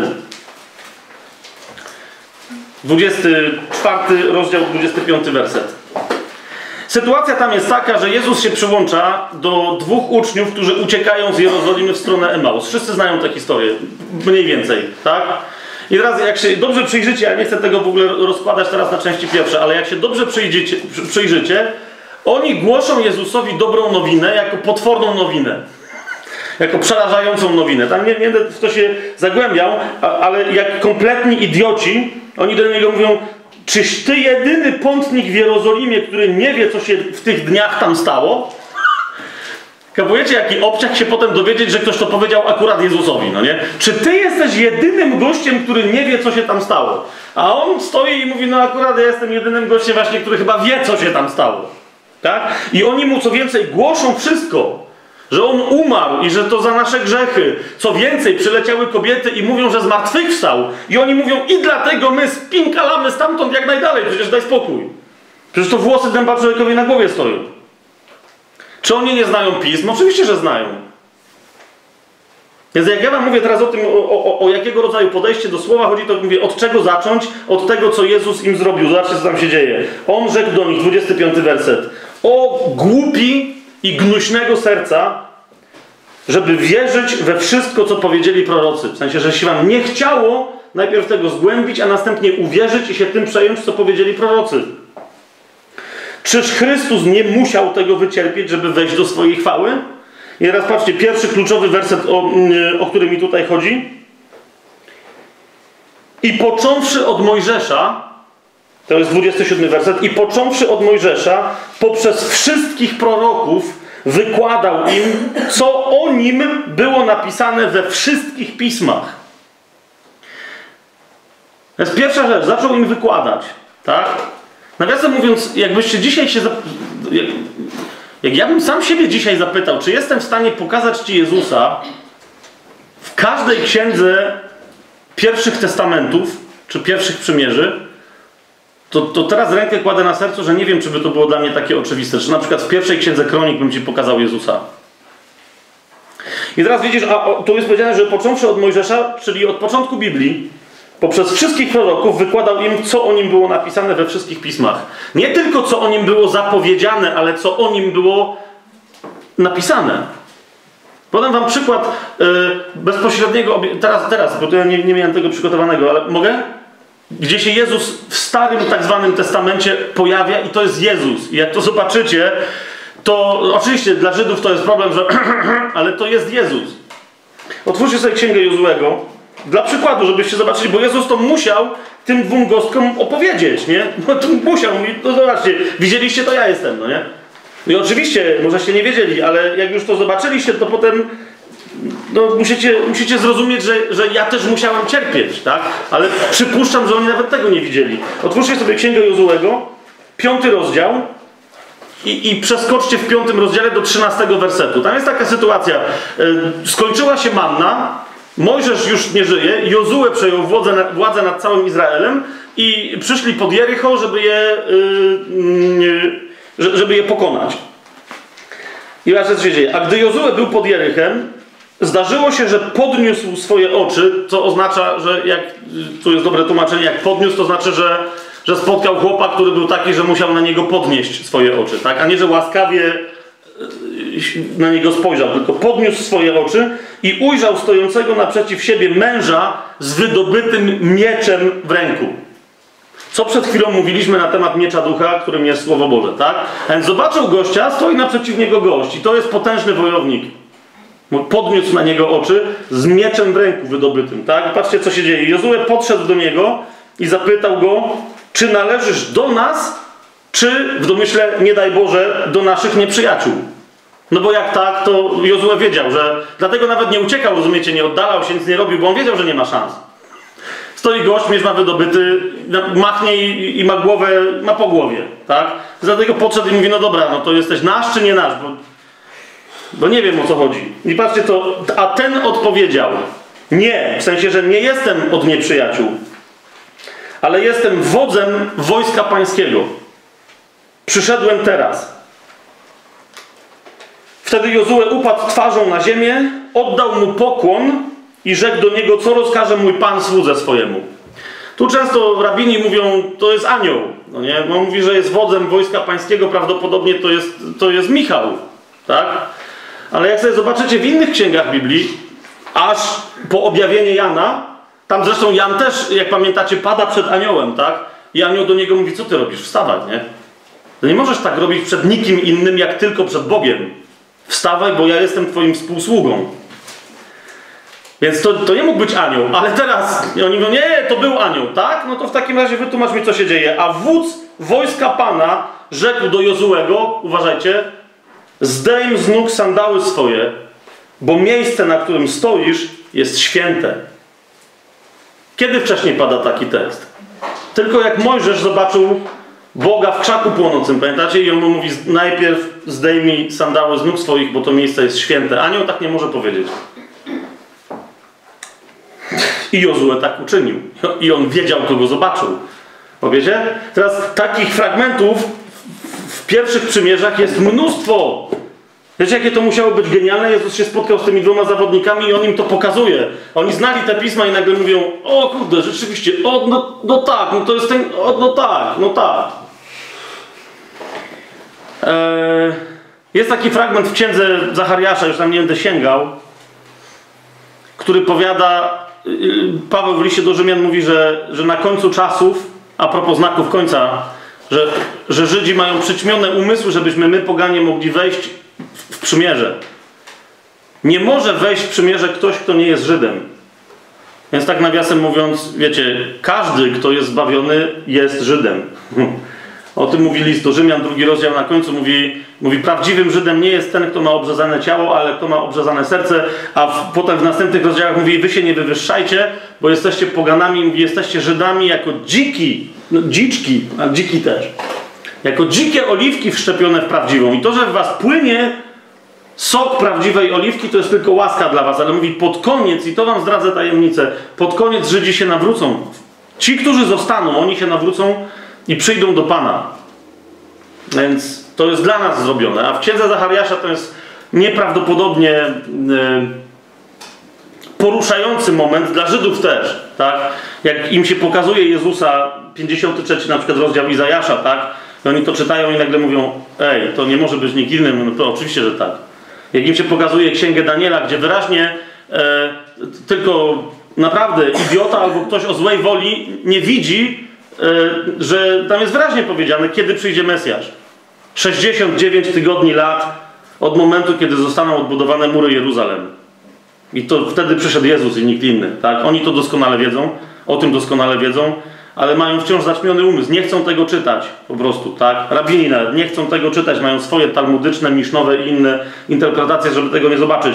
Ale w księdze Zachariasza jest to powiedziane, że, że, że pod koniec, kiedy wszystkie narody staną przeciwko Jeruzalem, żeby, żeby święte miasto pokoju zniszczyć, wtedy objawi się Mesjasz, który już był, a którego nie rozpoznali. I on mówi: Będziecie patrzeć na mnie, to mówi Pan. Okay? Bóg mówi: Będziecie patrzeć na mnie, któregoście przebili. Czujecie to? I będziecie płakać, jak się płacze nad straconym jedynakiem. Ale to będą Żydzi. Wracamy tu. 25-27 e, werset, żebyśmy sobie przestudiowali, ale teraz patrzcie, co się dzieje dalej. Bo oni słuchają tego wszystkiego i ktoś powie, no to dobra, to ktoś musi znać te fragmenty ze Starego Testamentu. 32 werset. Później, co uczniowie powiedzieli? I rzekli, to jest cały czas ten 24 rozdział. I rzekli do siebie, czyż serca nasze nie płonęły w nas, kiedy mówił do nas w drodze i pisma nam otwierał? Więc widzicie, on nie tylko do nich mówił, i to nie było nauczanie zwyczajne, ale serca w nich płonęły, a on im otwierał przy pomocy poznania serca pisma. Kiedy serca w nas płonęły i on przed nami pisma otwierał. Niektórzy tu mają wątpliwość i mówią, no nie, nie do końca, to, to, to zobaczcie, dla mnie to jest absolutny klucz do studiowania y, pisma. 45 werset. Co się stało? Znowu przychodzi Jezus, już tym razem apostołom się ukazuje i tam mówi, to są moje słowa, które mówiłem do was jeszcze będąc z wami, że się musi spełnić wszystko, co jest napisane o mnie w zakonie Mojżesza i u proroków i w psalmach. Musi wszędzie jestem opisany i to się wszystko musi spełnić. Ale oni co, usłyszeli to i mówią, no i co? I wtedy co Jezus robi? 45 werset. Wtedy otworzył im umysły, aby mogli zrozumieć Pisma studium, ja wam potem podam pewne zasady, tak, żeby ono też było rozumowe. Ale pierwsza rzecz, której potrzebujesz, to jest prosić Ojca, żeby posłał ducha do Twojego serca, żeby Ci otworzył umysł i serce na zrozumienie pisma. To nie ma być Twój wysiłek ludzki. Twoim nauczycielem ma być duch. Oczywiście, że Jezus sam o sobie uczy, ale on, no właśnie, on, on to zlecił Duchowi Świętemu. A więc od czego zacząć? Módl się o Ducha Świętego. Nieważne jakie jest Twoje wyobrażenie Ducha Świętego, czy jest gołębica, ogień, wiesz, szumy, trzęsienia ziemi, nieważne co to. Po prostu Bóg wie, załóż, że to, że Bóg wie o co Ty prosisz. Tak? W Ewangelii tej samej Łukaszowej jest powiedziane: Jeżeli Wy, chociaż źli jesteście, umiecie dawać dobre dary swoim dzieciom, to czy nie tym bardziej Bóg da Ducha Świętego tym, którzy Go proszą? On wie doskonale, co ma dać, tak? Ewangelia Jana, 14 rozdział, zobaczcie, co tam jest, y, co tam jest napisane. Na potwierdzenie tego, do czego was zachęcam.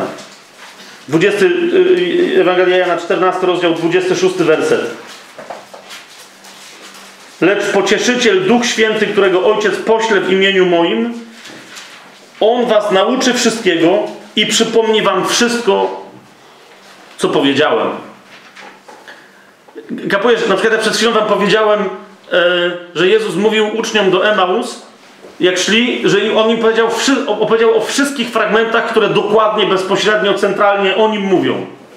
I teraz sęk w tym rozumie, że ta obietnica oznacza, że jeżeli tylko o to poprosisz Ducha Świętego, to On ci dokładnie, On cię przeprowadzi przez to samo nauczanie i pokaże ci wszystkie fragmenty w pierwszych przymierzach u proroków, w psalmach, gdzie chcesz, pokaże ci wszystkie fragmenty, gdzie Jezus jest tak oczywisty jak u, u Jozłego, gdzie dla przykładu sięgnąłem. Tak? Jan 15, 26, dokładnie, na, ro, rozdział dalej, tak? 15, 26. Gdy przyjdzie pocieszyciel, którego ja wam poślę od Ojca, Duch Prawdy, który od Ojca wychodzi, On złoży świadectwo o mnie. No, no właśnie, o, o, o Słowie. 16 rozdział, sięgnijcie sobie tam, Jan 16, 13, 15, tak? Lecz gdy przyjdzie On, Duch Prawdy, wprowadzi was we wszelką prawdę. Bo nie sam od siebie mówić będzie, lecz cokolwiek usłyszy, mówić będzie. I to, co ma przyjść, to wam też oznajmi. I o tym, co było, i o tym, co będzie.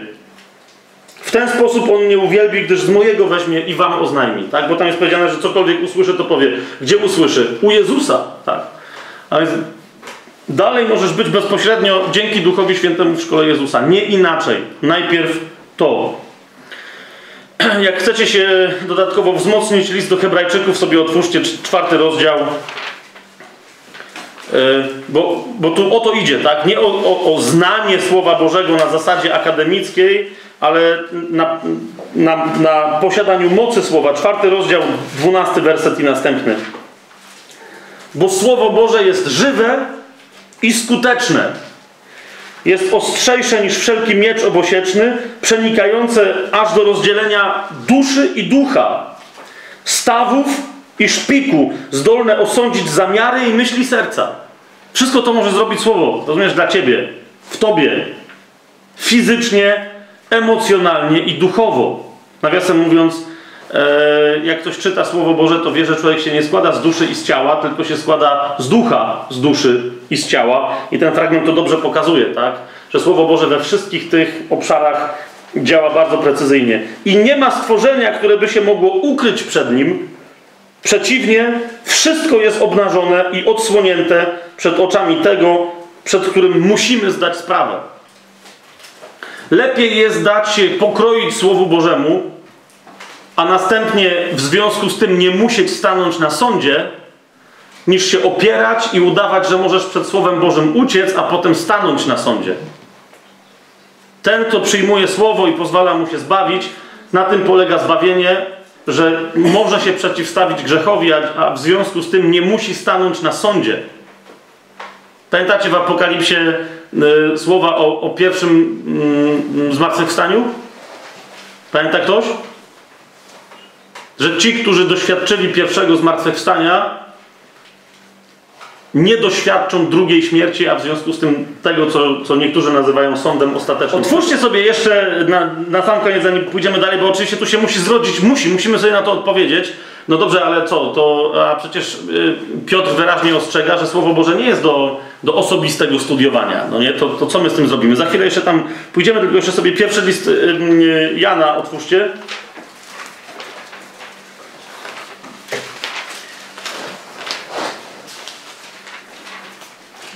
drugi rozdział.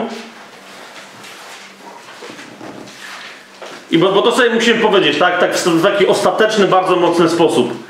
Ludzie, którzy proszą Ducha Świętego o, o, o nauczycielstwo, którzy, się, którzy zgłębiają Słowo Boże przy Jego pomocy, zaczynają doświadczać tego, o czym tu dokładnie mówi Jan. Zobaczcie, to jest drugi rozdział, pierwszy list y, Jana, drugi rozdział, 20 werset.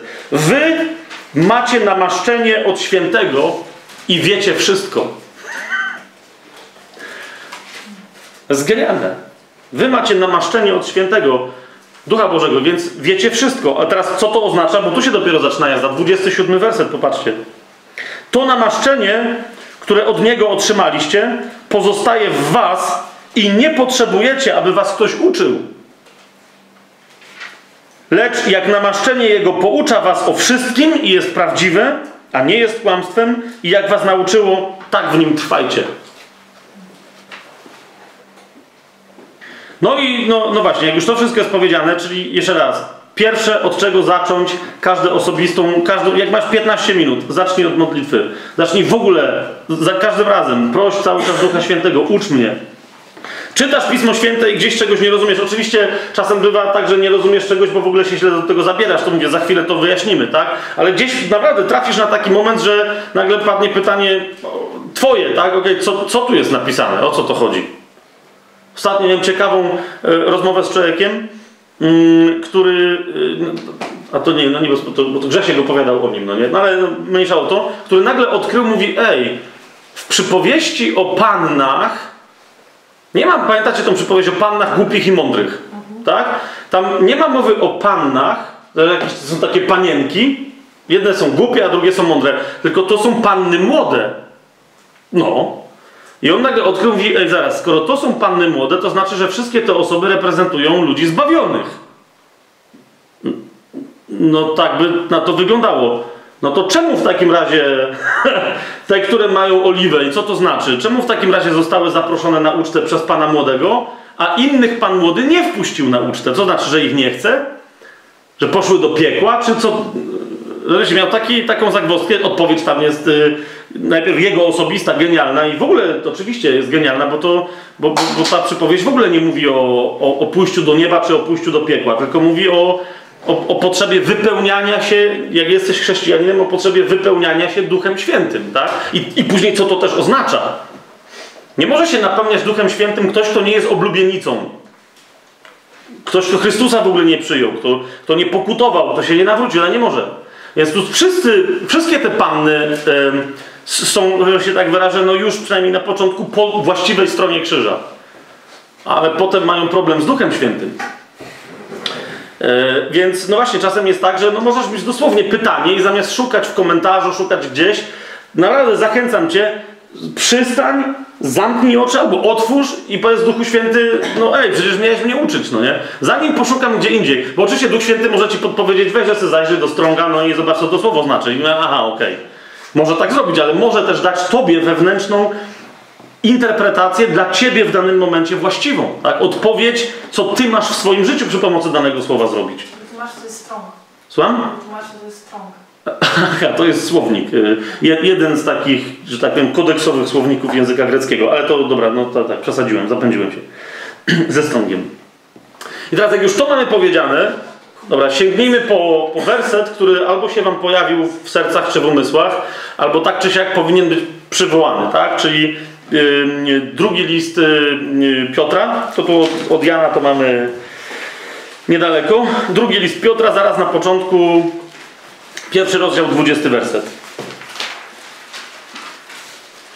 Bo w wielu kościołach właśnie to jest to. Rozumiecie, to od tego się zaczyna, tak? Ty mówisz, yy, proszę księdza, czy tam yy, chciałbym pastorowi powiedzieć, że mamy taką grupkę, spotykamy się w cztery osoby i tam się dzielimy Słowem Bożym. I on wtedy mówi, a co ty nie czytałeś? To zacznijcie od drugiego listu świętego Piotra, tam zacznijcie, pierwszy rozdział, 20 werset. I wtedy co powie? Przede wszystkim to wiedzcie, że wszelkie prorokowanie pisma, proroctwo pisma, niektórzy będą z Was mieli nauczanie czy, czy przepowiadanie pisma, nie wiem co Wy tam macie, nie podlega osobistemu wykładowi. Albowiem proroctwo nie przychodziło nigdy z woli ludzkiej, lecz wypowiadali je ludzie Boży, natchnieni Duchem Świętym. E, nawiasem mówiąc, z tego właśnie fragmentu, wiecie, w tych wszystkich kościołach, którzy mówią, katolicy nie czytają Pisma Świętego, luteranie nie czytają Pisma Świętego, kalwini nie czytają Pisma Świętego, tylko my czytamy, następnie u nich i tak pojawiają się tak zwani mężowie Boży. Tak? Po angielsku man of God. Tak? I okazuje się, że tak, możecie zaczytać Pismo Święte po domach, ale man of God ci powie, co naprawdę mówi Pismo Święte. I jak oni się nabijają z katolików, że chodzą w procesjach, tak naprawdę w drugą stronę też by się można było nabijać. Ostatnio ktoś tam się ze mną dzielił, e, że e, mówi sensacja, Bóg nam dał objawienie na koniec czasów. Mówię, o super, jakie? Mówi, mapujemy duchowo. Dobre, mówię, czyli co się dzieje? I teraz wyobraźcie sobie, mąż Boży miał słowo i objawienie trzeciego tam, czy piątego orła apokalipsy, czy czegoś jeszcze w tym stylu, e, że przypadkowo otwierają atlas, ale wiecie, to musi być e, przypadkowo, bo duch nas prowadzi, dalej się tam modlą, coś tam robią i w tym atlasie celują, tak, w jakieś tam miejsce. I na przykład odkrywają, że Afryka tam jakaś jest wioska, no nie? I kapujecie w Stanach Zjednoczonych, niektórzy w tych kościołach dużo pieniędzy mają, y, a jak nie mają, to oszczędzają, składają się i jadą tam i nic tam nie robią, nie głoszą Ewangelii, nie dają świadectwa, nie pomogą tym ludziom, żeby, nie wiem, studnie im wykopać, tylko łażą dookoła tego miejsca, które wiecie na... na dzisiaj są te mapy z Google, to jest jeszcze lepsze, no nie, bo tam można po, po całej kuli ziemskiej i tam jadą i chodzą dookoła tego miejsca i wyrzucają stamtąd demona. Nie wiedzą jakiego zwykle, no bo on jest właśnie tak tajemniczy, że tylko przy pomocy mapowania duchowego. Że i tak dalej. Więc yy, i to się również opiera dokładnie na tym słowie, no nie? Że ty nie możesz osobiście wykładać słowa, tylko musisz słuchać męża Bożego, takiego czy innego. Jak sobie przeczytacie dalej, co Piotr pisze, no to właśnie yy, nagle się okaże, że no ale zaraz, zaraz, tak? No właśnie, no, no właśnie tu jest ostrzeżenie, bo, bo, bo tu wy, wy, wygląda na to, jakby to było takie, że no przecież Piotr tu mówi, że to nie jest do osobistego wykładu. Jak zobaczycie, co jest po grecku naprawdę napisane, to tu jest powiedziane przede wszystkim to wiedzcie, że wszelkie prorokowanie, czyli głoszenie pisma nie podlega oddzielonemu wykładowi. Osobnemu wykładowi, który by był niezwi... Rozumiecie, że ktoś nagle dostał objawienie, i ono się nie zgadza, nikt mu w kościele go nie potwierdza. Ale nie chodzi o kościół hierarchiczny.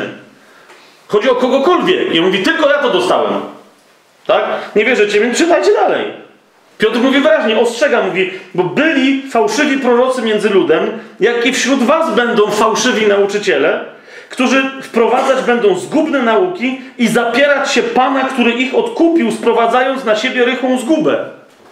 I mówi, i wielu pójdzie za ich rozwiązłością, a droga prawdy będzie przez nich pohańbiona. Z chciwości wykorzystywać was będą przez zmyślone opowieści i tak dalej, i tak dalej, i tak dalej, i tak dalej, i tak dalej.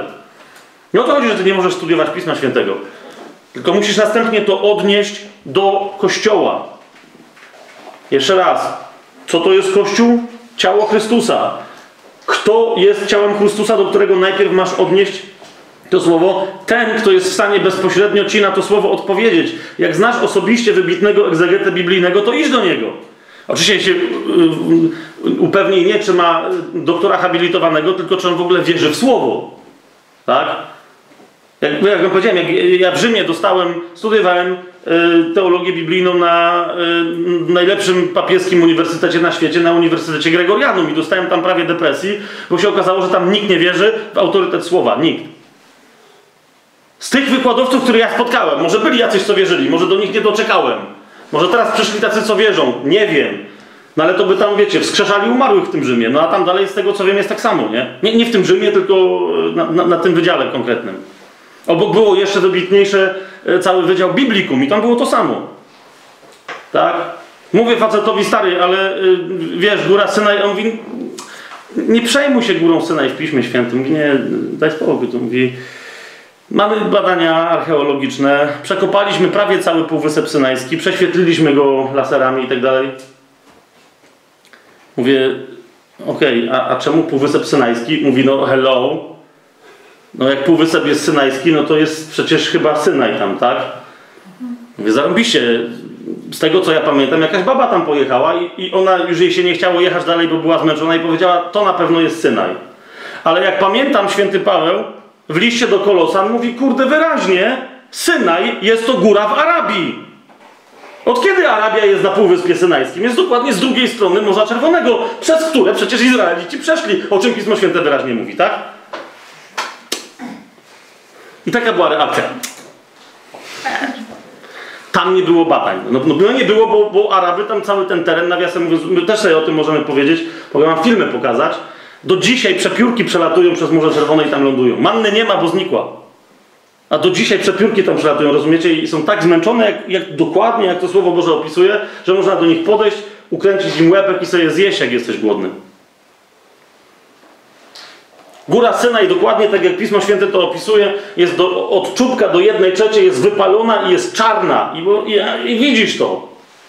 Tam, gdzie jest Moab, widzisz wyraźnie, że tam, tam nigdy od paru tysięcy lat nie spadła kropla wody z nieba, tak? I masz skałę, która jest litą skałą, rozpołowioną, a stamtąd widzisz, że płynęła woda, przynajmniej przez rok, jak nie dłużej, tak? Jest, masz wyrzeźbione strumienie. I to dokładnie punktach geograficznych, o których księgi mojżeszowe mówią wyraźnie, tak? Więc jak się odnosisz do jakiegoś autorytetu, to się upewnij, w co ten autorytet wierzy, tak? Jeżeli Łukasz na początku dziejów apostolskich pisze do Teofila, mówi czcigodny Teofilu, pierwszą księgę napisałem do ciebie jako list, żeby ci pewne rzeczy wyjaśnić, tak teraz piszę drugą, a ci kwestionują, czy Łukasz to jest Łukasz, czy ich nie było 16, tak, a jeden Chińczykiem, bo tam wstawił jakieś słowo. Czy istniał Teofil, no to przecież najprawdopodobniej to była postać wymyślona i tak dalej, i tak dalej. Jak się z czymś takim spotykasz, rozumiesz, to nagle się znajdujesz jak mucha w smole i nie wiesz, jak się dalej poruszyć. Więc jeszcze raz mówię, odnieś, od, odnieś słowo, odnieś to, co w nim widzisz do autorytetu, tak? Ale naprawdę autorytetem może się okazać 70-latek, który od 40 lat zgłębia słowo i cię zaskoczy. I cię, I się zaskoczy, mówi, dobra, ja to wiem, aha, przekopaliście Półwysep Synajski. No dobra, i on ci w czterech miejscach pokaże, dlaczego Półwysep Synajski to było tylko miejsce, gdzie Izraelici, to było to miejsce, o którym powiedzieli Faraonowi, że oni tam wyjdą i stamtąd zaraz wrócą. A łazili po Arabii, a, a, a nie po Półwyspie Synajskim. No gdzie? I, i, I ktoś, kto studiuje Słowo Boże, o tym będzie wiedział, tak? A nie będzie się przejmował, gdzie oni kopali. No, Jasne, że tam nic nie wykopali, bo tam nigdy nic nie było, tak? Tak samo jak mi jeden tłumaczył, gdzie była Sodoma i Gomora i że to były wymyślone miasta, bo przecież ich tam nie ma, gdzie oni kopali. A osobiście rozmawiałem z gościem, który mi powiedział, wcale, no przyjedź do Izraela, to się tam zawiozę, no nie? Tylko tam nie ma żadnej drogi, to musimy w nocy tam pojechać i tam nad ranem trzeba podejść, bo potem jest pustynia, tak, tam na nogach trzeba iść. Pustynia jest tak spieczona, że wiesz, nie? Do dzisiaj, mówi, tam można, wiesz, kawałek cegły czy czegoś znaleźć, który wygląda jak lite szkło, jakby było stopione, ale mówi, przyłóż do tego zapałkę i, i, i wybucha pełnym płomieniem, tak? Do dzisiaj. Więc jeszcze raz. Tu po pierwsze, pismo nie jest do osobnego wykładu i musi być odniesione do, do, do kościoła. Natomiast kościołem najpierw są ci ludzie, z którymi w ogóle możesz się podzielić, co ty w ogóle w tym piśmie widzisz. Tak? Teraz tak. Właśnie ze względu na ten fragment, a mówię, poczytajcie sobie sami, co jest napisane następnie w drugim rozdziale. Tak?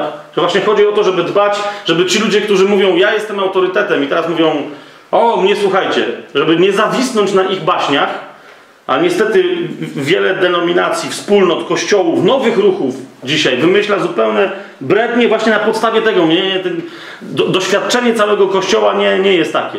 Nie, my ci mówimy, że na przykład nie ma uzdrowienia. My ci mówimy, że nie, Duch Święty dzisiaj nie działa tak, jak Biblia mówi, że zawsze miał działać. Nie, my ci mówimy, że i tak dalej, i tak dalej.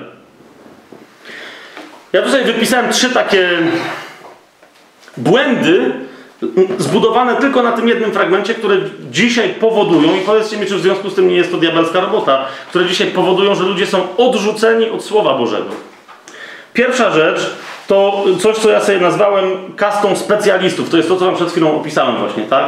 Egzegeci, hermeneuci, interpretatorzy pisma, ludzie, którzy mówią, wiesz, ja y, znam hebrajski i grecki, tak? I mówią, wiesz, bo to ty nie znasz. Ty, I tu, i tu, krótko mówiąc, na bazie tego ty się nie znasz, to jest dokładnie tak, jak wiecie, prawnicy dzisiaj w cywilizacji y, euroatlantyckiej. No my w Polsce też to mamy, no nie? Prawo zawsze powinno być takie, żeby go było łatwo przestrzegać. Zawsze tak było, tak? A dzisiaj zauważ, jak chcesz cokolwiek zrobić w ramach prawa, co się dzieje? Musisz zatrudnić kogo? Pięciu prawników. Pięciu prawników, no bo oni sami nie wiedzą o co chodzi i, i Tak. właśnie na tym cała rzecz polega, bo ale ty się nie znasz, ty jak tego tkniesz, to to cię no, na pewno utopi. Mamy tą pra- prawniczkę dzisiaj, także Asia, wybacz, ale ja wiem, że ty wiesz, że ja... Bo to nie prawnicy wymyślają dzisiaj prawo, tylko kto inny, a prawnicy muszą w tych gąszczach e, potem krążyć. Zgadza się? A tu nie. Tutaj masz grupę specjalistów, którzy ci powiedzieli, ty się na tym nie znasz. Rozumiesz, my się na tym znamy. Wiesz co to jest accusativus cum infinitivo? I ty nagle mówisz, e, e, e, okej, a tu rozumiesz, a tu jest forma zwrotna czasu zaprzeszłego w osobie trzeciej, której normalnie nie ma. I ty mówisz, co w ogóle powiedziałeś? Okej, ty mi to wytłumacz. Ja się nie będę ogłupiać, wygłupiać, tak? Nie będę się ośmieszać. To jest pierwsza grupa. Druga to jest kasta ideologów, e, czyli w kościołach teologów. Tak? Oni mówią, dobra, e, niezależnie od tego, co ci powie egzegeta, to pamiętaj, w Piśmie Świętym nie mogą być napisane rzeczy, które się nie zgadzają z nami. Nie wierzycie mi? Weźcie sobie na przykład, otwórzcie y, list y, Jakuba, jeszcze raz do niego wróćmy, bo to jest, to jest fantastyczny przykład.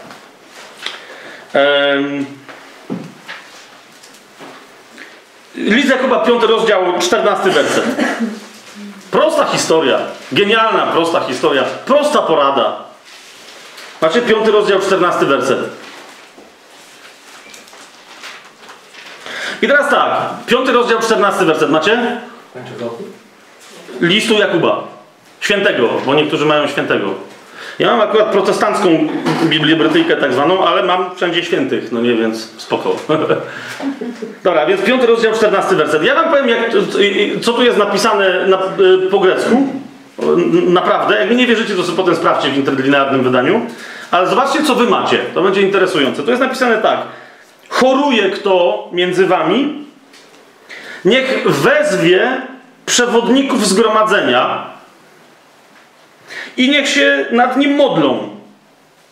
A dotknąwszy go oliwą w imieniu Pańskiego, yy, dotkną go oliwą w imieniu Pańskiego, ale modlitwa, a nie ta oliwa, która popłynie z wiary, uzdrowi chorego i Pan go podźwignie. Macie tam to napisane, nie?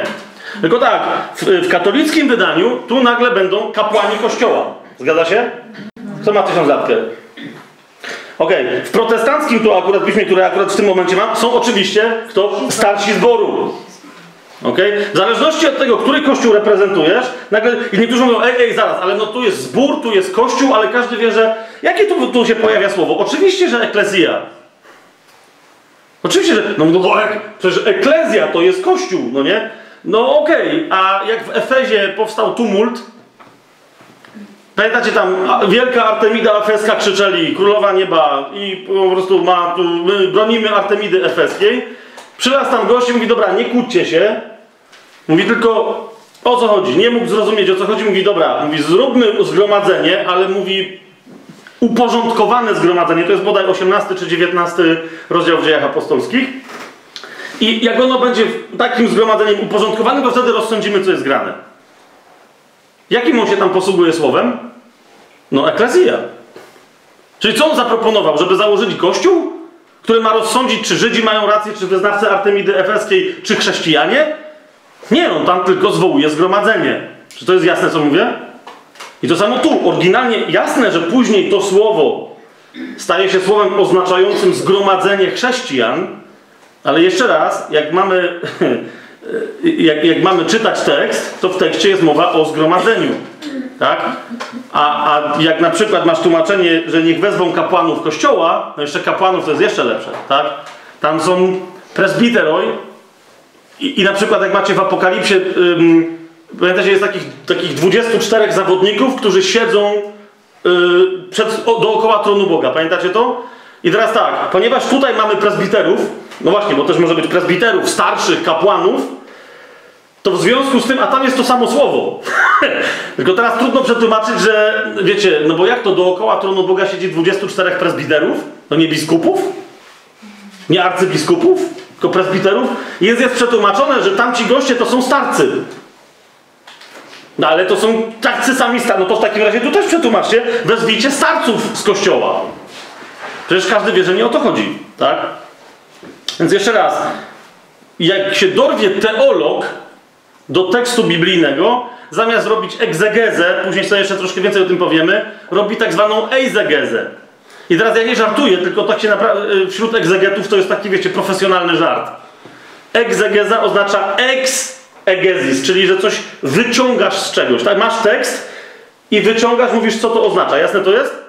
A eisegezis to jest eis egezis, to znaczy, że wkładasz coś do środka, no nie? Tam tego nie ma napisanego, ale to mówisz, ale, ale to już teraz jest. No nie, bo ja właśnie ja tak mówię, że to tam jest napisane. Z całym szacunkiem, kiedyś słyszałem właśnie jednego teologa, tylko że on się zajmował, a on tam miał gdzieś Biblię, tak? Przy bardzo mi przykro jest to powiedzieć, ale miał gdzieś. Natomiast on był tak zwanym teologiem pastoralnym, a jego specjalizacją była, em, było nauczanie skierowane do rodzin, do małżeństw, nawet nie do rodzin. Wiecie, co on obczaił?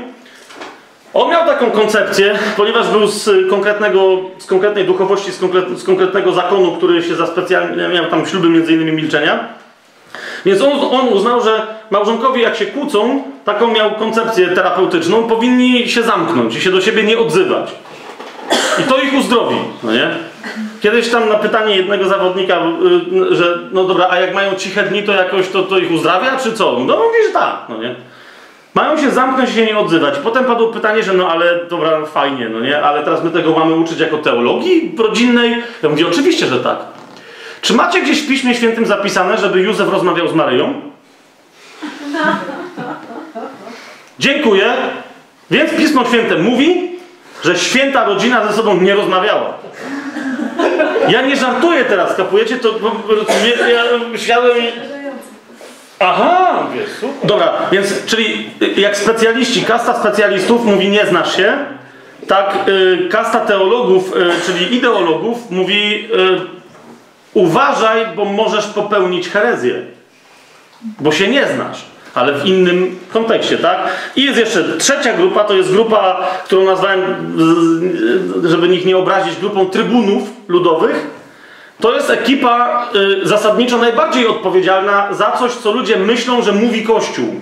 Nieważne, czy w Kościele katolickim, czy w jakimkolwiek innym, czyli to jest po prostu grupa kaznodziejów. Tak?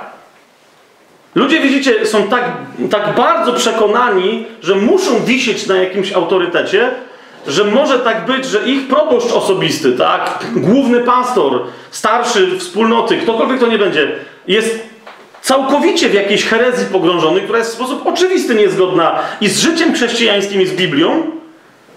I oni tego nie wiedzą, dlatego że mówią, no przecież gdyby on był w błędzie, to chyba ktoś by na to zwrócił uwagę. Nie? W Kościele katolickim jednym z takich przykładów, bo ale jest mnóstwo i nie tylko w Kościele katolickim, ale to jednym z takich przykładów jest na przykład, tak, jeden z przykładów jest na przykład e, kazanie dzieciom przystępującym do pierwszej komunii świętej składać przysięgę, że nie będą pić alkoholu do 18 roku życia. Tak? I na przykład jakbyś, jak, jakbyś zapytał tego dziecka, za, załóżmy, tak, że, że masz dziecko, które jest w ogóle nieochrzczone i tak dalej, tak? I ono ma 9 lat, to nie możesz go ochrzcić w kościele katolickim bez zgody jego rodziców. I to już wiele osób na to zwracało uwagę. Mówią, ej panowie, to już nawet nie to, że jest herezja, tylko to jest niezgodne, już nie to, że to jest niezgodne z Pismem Świętym, tylko z prawem kanonicznym. No mówią, nie zapytasz tego dziecka o osobistą zgodę, dopóki, y, bodaj teraz jest w prawie kanonicznym, dopóki nie skończy 14 roku życia. Jak ma 14 lat, to może samo zdecydować, że, że chce się ochrzcić. Ale jak nie ma, to musi mieć zgodę rodziców. A kto się pyta rodziców o zgodę, jak dziecko siedmioletnie, czy ośmioletnie, czy dziewięcioletnie nagle ma ślubować, że, że czegoś nie będzie robić, ono nawet nie wie o co chodzi, no nie? Ośmioletnie dziecko i wiesz, no nie? A potem ma 15 lat i się znowu dowiaduje, że y, napiłeś się, to jest grzech przeciwko Duchowi Świętemu. I świętokradztwo, bo składałeś i te, no wiecie o co mi idzie, i tak dalej, i tak dalej. No skąd ty to bierzesz, no nie?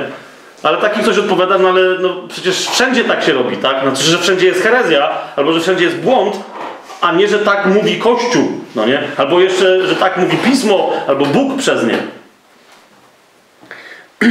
Wiecie, skutkiem z fałszywej interpretacji z tego, tego jednego zdania z drugiego listu e, Piotra jest co? Jest coś, i to się z wami podzielę e, z bólem wielkim, o czym ostatnio no, jedna osoba powiedziała na głos, mówi mi, słuchaj, to było a propos kościoła nie tylko katolickiego, tylko w ogóle kościoła na zachodzie, w Europie, w Stanach Zjednoczonych, w Kanadzie. Mówi, słuchaj, kościoły na zachodzie, wszystkie są stuprocentowo gotowe na przyjęcie antychrysta. Taka informacja padła. co ty gadasz, nie? A dlaczego? No właśnie dlatego. Ponieważ prawie wszyscy już w tych kościołach przestali brać osobistą odpowiedzialność za rozumienie słowa, za posługiwanie się nim, za konfrontowanie swojego rozumienia, słowa z tym, co gada kaznodzieja na przykład. Wreszcie sprzedali swoją wolność, a ku wolności wyswobodził nas Chrystus, Chrystus za co? Za poczucie bezpieczeństwa, które zawsze jest fałszywe. No, że przecież on wie, no to chyba przecież tak ma być, no nie? I to mówię wam, w najbardziej takich abstrakcyjnych, ja byłem kiedyś świadkiem, jak się jeden dzieciak zapytał proboszcza i mówi, i mówi, proszę ojca, mówi, ale czy litania nie była do Matki Boskiej? I on mówi, no była. A on mówi, no to po co był Najświętszy Sakrament? Ja mówię, bo zawsze tak jest. Kapujesz, w sensie, no jeżeli Najświętszy Sakrament to ma być Pan Jezus, no to jak do Niego gadasz, to czemu mówisz yy, zdrowaś Maryjo czy coś tam? No przecież to chyba nie jest ona, no nie? I tak, ale to nie ma żadnego znaczenia, no nie? Jedna rzecz dołożyła się do drugiej, trzecia i potem jest cała praktyka, która jest abstrakcyjna z czysto logicznego punktu widzenia. Bo ja już nie wiem, czy ktoś wierzy w to czy w tamto, tylko z czysto logicznego punktu widzenia, tak? No ale, no okej. Okay. Tak się jakoś ustawiło i nie możesz z tym dyskutować, no nie? A zatem odebranie osobistej odpowiedzialności jest jedynym skutkiem niewłaściwego rozumienia tego, tego stwierdzenia. Jeszcze raz mówię, tam przyjrzyjcie się sami. Tam, gdzie duch, jeżeli my mamy namaszczenie od świętego, my jako Kościół, to znaczy, że, że możemy sobie nawzajem usuwać błędy. Tak? Na słowie dwóch albo trzech świadków niech, niech się rozwiąże, niech spocznie i się rozwiąże cała sprawa. Eee, dlaczego według mnie to jest istotne? Oho, to na każdej stronie Pisma Świętego e, macie odpowiedź, ale list do Rzymian, 12 rozdział, jak sobie otworzycie, 14 werset, to, to, to powinno wystarczyć każdemu. Naprawdę chcesz, chcesz zawisnąć na tym, co ktoś ci powiedział, że na pewno jest, jest w Piśmie Świętym napisane? List do Rzymian, 14 rozdział, nie, wybaczcie, poplątałem, 14 rozdział, 12 werset. Jedno zdanie. Tak więc każdy z nas i każda z nas oczywiście, za samego siebie zda sprawę Bogu. Jak staniesz przed Bogiem, to, to, to, to co? Kogo wezwiesz na świadka wtedy?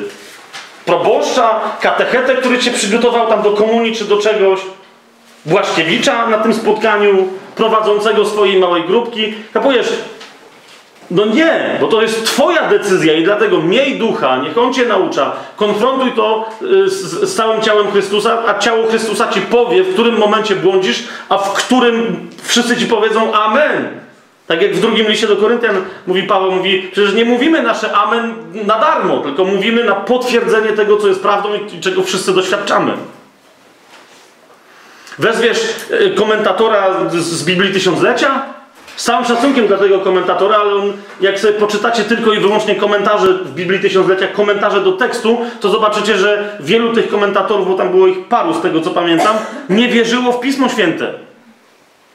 Że, jest, że, że ma autorytet i że, że ma jednego autora, którym jest, którym jest Bóg. I że ono jest natchnione.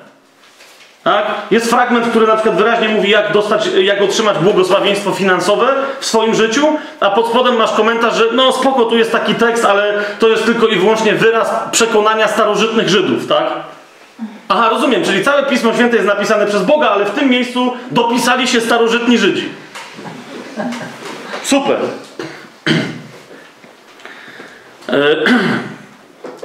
Jeszcze raz, 1 Jana 2,27. Nie to już tam sięgaliśmy, tak? Nie potrzebujesz pouczenia od nikogo z zewnątrz, bo ty też masz namaszczenie od świętego. I nic, żaden tytuł naukowy, funkcja w kościele, która nawiasem mówiąc, też trzeba zadać sobie pytanie, bo czym innym jest posługa w kościele, a czym innym jest funkcja, piastowane stanowisko, tak? Jak sobie zobaczycie w trzecim liście Janowym, to tam w jednej, w jednej społeczności jakiś gość nawet nie to, że miał jakąś funkcję, tylko po prostu zaczął kierować innymi, także zaczął im mówić, co mają robić, tak? I Jan tam się z niego nabija, mówi, dobra, tak pisze do was, nie bierzcie go pod uwagę, bo mu się coś pokręciło w głowie, no nie? Przecież jesteśmy braćmi i, Chrystu, yy, i siostrami w Chrystusie, przecież nie ma Żyda ani Greka, tak? Nie ma, nie, nie ma mężczyzny ani kobiety. Mówi, tu jest, jest tak absolutna jedność, bo już nie ja żyję, ale żyje we mnie Chrystus. A więc jeżeli się pojawia apostoł, biskup, starszy, presbiter, ktokolwiek, diakon, ktokolwiek tam jeszcze, to jest jego służba dla innych, a nie funkcja. Ona mu nie daje żadnej władzy. Jezus o tym powiedział. Chcecie rządzić? No to w takim razie służcie wszystkim. To, to wtedy będziecie pierwsi, bo pierwsi będą ostatnimi, a ostatni pierwszymi. Eee, teraz y, jeszcze jest y, tam 20 po Czy jeszcze z pół godzinki pociągniemy? Bo dobra, to, to już tak y, po konkretach. Po, po pierwsze, co studiować, tak? Bo to jest takie wobec tego, no jak sobie otworzycie drugi do Tymoteusza 3,16, to tam jest wyraźnie napisane, co studiować, czyli całe pismo. tak. To jest wyraźnie napisane. Drugi do, do, do Tymoteusza 3,16. Całe pismo, całe pismo, e, w tym jednym zdaniu z drugiej strony są całe skarby zawarte. Całe pismo przez Boga jest natchnione i pożyteczne do nauki, do wykrywania błędów, do poprawy, do wychowywania w sprawiedliwości, aby człowiek Boży był doskonały, do wszelkiego dobrego dzieła przygotowany. Teraz jest pytanie, no okej, okay, ale co to jest całe pismo? Bo tu Andrzeja nie widzę, ale żeśmy. Jesteś tam, Andrzej, jeszcze żyjesz? Dobra. Żeśmy rozmawiali, bo Andrzej mówi, że a ty masz Brytyjkę, to ona nie ma imprimatur. No nie ma, bo jest XIX-wiecznym tłumaczeniem e, protestanckim, tak? Więc od kogo oni mieli wziąć imprimatur? A chodzi mi o to, że, y, że te tak zwane protestanckie Biblie nie mają niektórych ksiąg.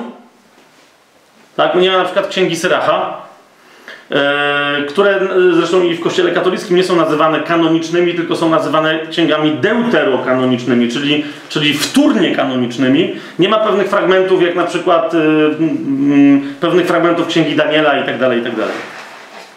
Teraz ja się nie chcę wdawać w ogóle w tę dyskusję, które Pismo Święte jest, jest wiecie, prawdziwe, bo to są absurdalne w ogóle rozmowy. I byśmy się, to jest zupełna kwestia osobnego spotkania, żeby sobie wyjaśnić, skąd się w ogóle wzięła ta różnica. Najprościej rzecz ujmując, na samym początku chrześcijanie wszyscy znali, nie, nie, znali za specjalnie, zwłaszcza tam poganie, którzy weszli do kościoła, nie, nie znali, nie chcieli się posługiwać hebrajskim pismem, więc posługiwali się tekstem tylko i wyłącznie greckim. Wszystkie pisma Nowego Testamentu są napisane po grecku, a istniało tłumaczenie tego, co my potocznie nazywamy Starym Testamentem, wykonane przez Żydów 300 lat przed Chrystusem, wszystkich pism żydowskich i to się nazywa Septuaginta, czyli tłumaczenie 70. Tak? Czyli Żydzi przetłumaczyli całe hebrajskie pismo na grekę. I teraz, zwłaszcza ojcowie tak zwani aleksandryjscy posługiwali się Septuagintą, zwłaszcza, że wiecie, to było łatwe, bo na przykład pojawia się jakieś słowo po hebrajsku i ty nie wiesz, czy to słowo to jest to słowo, co ty potem mówisz po grecku. Wiecie o co mi idzie, tak? A tu masz grecki Stary Testament, grecki Nowy Testament, a tu jest takie słowo, tu to łatwiej było robić powiązania. Ale też wielu tam tych, tych właśnie aleksandryjskich ojców tam y, później wpadło w, w, w, nadmierny alegoryzm. Natomiast Żydzi po zburzeniu y, świątyni, po wypędzeniu ich z Jerozolimy i w ogóle z Izraela, e, od, nagle zaczęli mieć problem, bo wiecie, wszystko w judaizmie się kręciło i od, wokół świątyni i odbywało się w świątyni, a nagle świątynia została zburzona i, i nie ma jej, tak? Nie ma, jak mamy teraz uprawiać kult, jak mamy przestrzegać całe to, co my nazywamy Starym Przymierzem, czy co Paweł nazywa zakonem mojżeszowym, czy prawem mojżeszowym, 613, czy tam jak to woli 608, w zależności od tego, jak się liczy, przykazań, nie 10, Większość z nich była związana z, z wykonywaniem rytuałów i tam różnych rzeczy w świątyni. Więc odbyło się coś w rodzaju e, synodu, tylko że rabinów. Yy, on czasem bywa nazywane to spotkanie synodem wjawnym. E, I oni tam ustalili, że skoro chrześcijanie korzystają z Septuaginty, no to my w takim razie y, okroimy, odniesiemy się tylko do tego, co my na pewno uważamy, że jest Słowem Bożym, a nie tylko komentarzem do niego, tak? E, no i oni wtedy uznali, że pewne księgi z Septuaginty nie są Boże, a więc nie są natchnione. E, I później do tego się e, tradycja reformacyjna odwołała i mówi, skoro oni tak powiedzieli, to może idźmy za tym.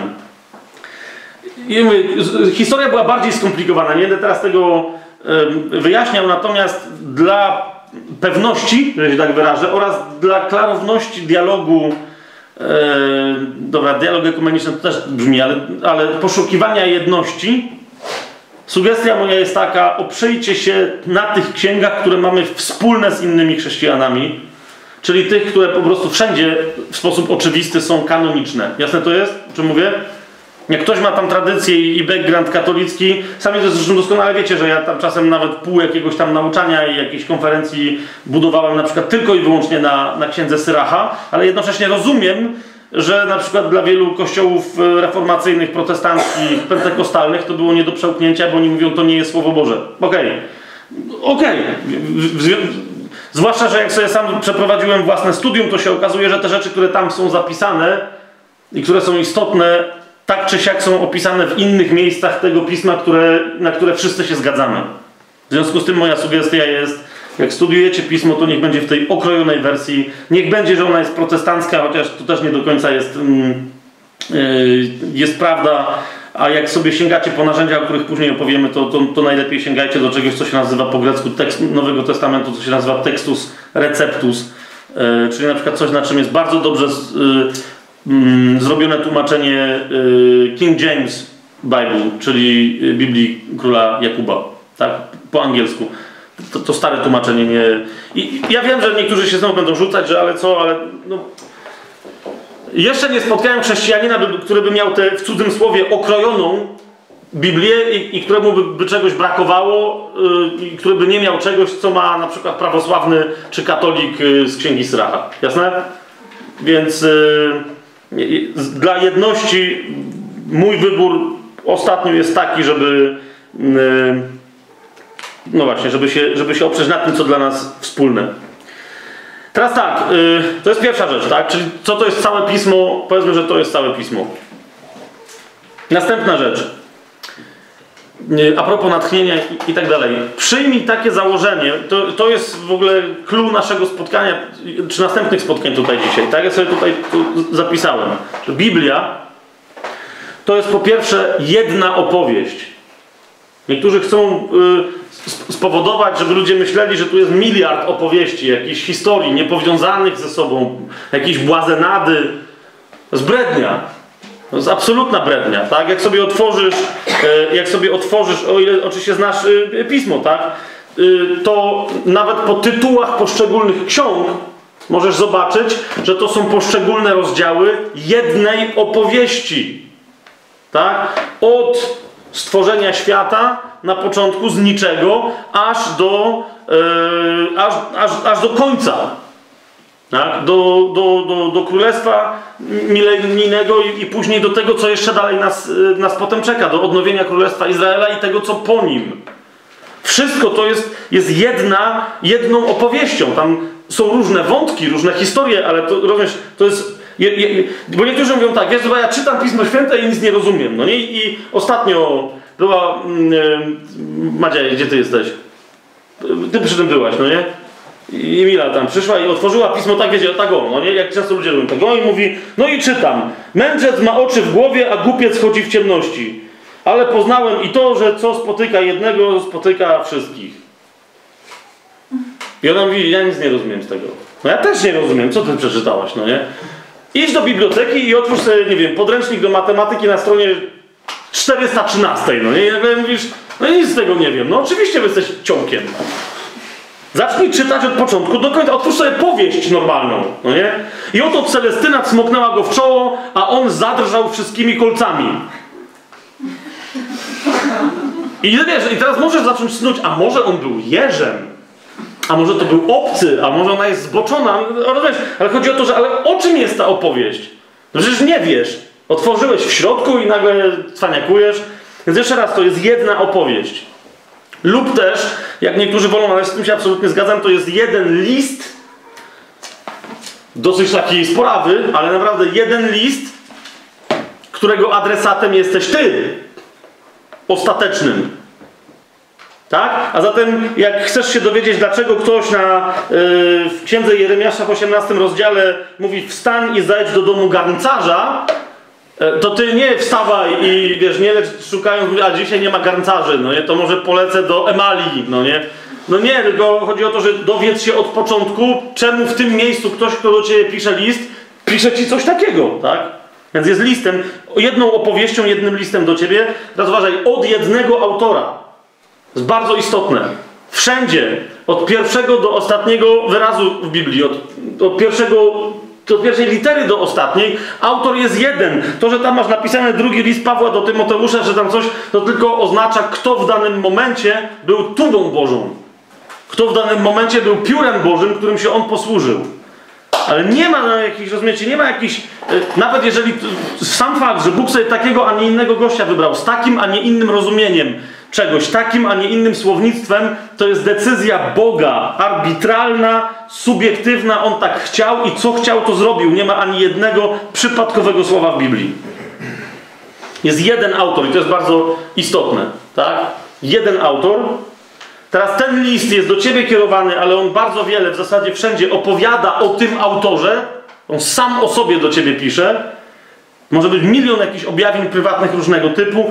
Tu Bóg się objawił i jeżeli gdzieś indziej jakoś prywatnie ludziom się objawia, to, to nie, nie może się objawić inaczej niż tu. Oraz objawiając siebie, jednocześnie co objawia? Swój stosunek do ciebie. Tak? Opowiada ci historię całą, w której ty nie zawsze uczestniczyłaś czy uczestniczyłeś. Bo ty nie wiesz, kto to był Matuzalem. Ale to dla ciebie jest istotne, tak? Że kiedyś istniał Matuzalem. Bóg tak zdecydował ci o tym opowiada, tak? To są twoi ludzie. Nie możesz powiedzieć, to, to nie są moi znajomi, no? To, to są... Nie, to są, to są twoi znajomi, są twoi ludzie. Oni są istotni dla ciebie. Tak? A więc on pisze o sobie, mówi o swoim stosunku do, do, do ciebie i jeszcze na koniec to jest bardzo istotne, mówi też, składa obietnice, pokazuje, które obietnice już spełnił, w jaki sposób, kiedy się ty będziesz świadkiem spełniania obietnic, to po czym to poznasz oraz jakie jeszcze obietnice dopiero się wypełnią. Biblia jest pełna obietnic, które, które, które są, mam nadzieję, że niektórych nie doczekamy, ale jak doczekamy, dobra. Damaszek ma zniknąć z powierzchni ziemi, tak, o, w ciągu godziny. O wielu, o, o wielu miastach możesz tak powiedzieć. Prawie wszystkie miasta na Bliskim Wschodzie nie są tymi miastami, które kiedyś były. Jeden, jedyny Damaszek. Biblia o nim mówi, że będzie zawsze, aż dopóki nie zniknie. Tak o. Kiedyś się wszyscy śmiali, że nie może miasto zniknąć tak o. Dzisiaj już wiemy, że może. Hiroshima, Nagasaki i tak dalej. Już wiemy, że może. Ok? Jak Biblia mówi o tym, że będzie autostrada z Egiptu do Asyrii, to znaczy, że musi być Asyria. Jak jej nie ma, to znaczy, że będzie. I zobaczycie, że będzie. Jak Biblia mówi o tym, że w pewnym momencie tacy a tacy zaatakują Izrael, to zaatakują, a jak później mówi, że Izrael będzie miał o tyle szersze granice, to znaczy, że ich pokona. I jak potem zaatakują następni, to znowu wszyscy ci gracze, zwróćcie uwagę, o których mówi Biblia, oni są cały czas na scenie. To, że Persja dzisiaj się nie nazywa Persja, ale Iran, nie zmienia faktu, że to jest Persja. To, że stary, stara Mezopotamia czy Babilon, że dzisiaj się nazywa Irak, nie zmienia faktu, że to jest nadal ta sama Babilonia. To, że nie ma Asyrii, jeszcze raz powtarzam, Daniel mówi wyraźnie, była, nie ma jej, ale będzie. Nawiasem mówiąc, e, jak sobie zobaczycie, jak dzisiaj rozciąga się ISIS, o którym niektórzy mówią, że to jest tylko organizacja terrorystyczna, to sprawdźcie sobie na, na, na Wikipedii. Przecież to jest państwo ze, z własną walutą, w dodatku w złocie, jak to było zapowiedziane. To jest państwo, które ma granice, które ma swoje prawo i które jest dokładnie na terenie starej Asyrii, które się rozciąga od, y, bo wzięło przecież część terytorium Irakowi, aż do przedmieść Damaszku. Zobaczcie sobie, jak to wygląda. To jest, to jest stara Asyria, która zaczyna wracać. Ja nie wiem, czy ISIS przetrwa, ale to jest, to jest, to, to, to jest wyraźny znak, że Asyria wraca do gry. Tak? To, że, to, że Gog czy Magog y, mają być na północy i dzisiaj nie wszyscy wiedzą, czy to jest Rosja, czy coś, będziemy wiedzieć, tak? Egipt dalej jest Egiptem, Libia jest Libią, Arabia Arabią i tak dalej, i tak dalej. No dobra, czasem w Biblii jest nazywana Edomem. Idzie mi o to, że, że, że, że no, na przykład, tak jak mówiłem, na naszych oczach się spełniła przepowiednia, że Izrael wtedy, kiedy przyjdą czasy ostatnie, kiedy będą się wykonywać rzeczy, że, że, że stanie się na powrót państwem. Może nie będzie wiernym państwem. I tylko reszta z Izraelitów e, rozpozna, że Jeszua Hamashiach, że, że Jezus jest Mesjaszem. ale to się dzieje na naszych oczach. Jak Paweł powiedział, że tylko kto 50 lat temu uwierzyłby, że jakiś Żyd uznał, że Jezus jest Mesjaszem. A dzisiaj po prostu wrzuć sobie temat na YouTube'a i zobaczysz, ilu Żydów daje świadectwo i mówią, że tak, rozpoznaliśmy go. I tak jak mówi Zachariasz, już płakaliśmy nad tym, któregośmy przebili. Więc jesteśmy raczej bliżej niż, niż dalej, a tych, a tych rzeczy jeszcze będzie więcej. Pismo konkretnych zapewnień jest pełne. Jak pismo mówi o tym, że zanim przyjdzie antychryst, musi być odbudowana świątynia po raz trzeci, to tak się stanie.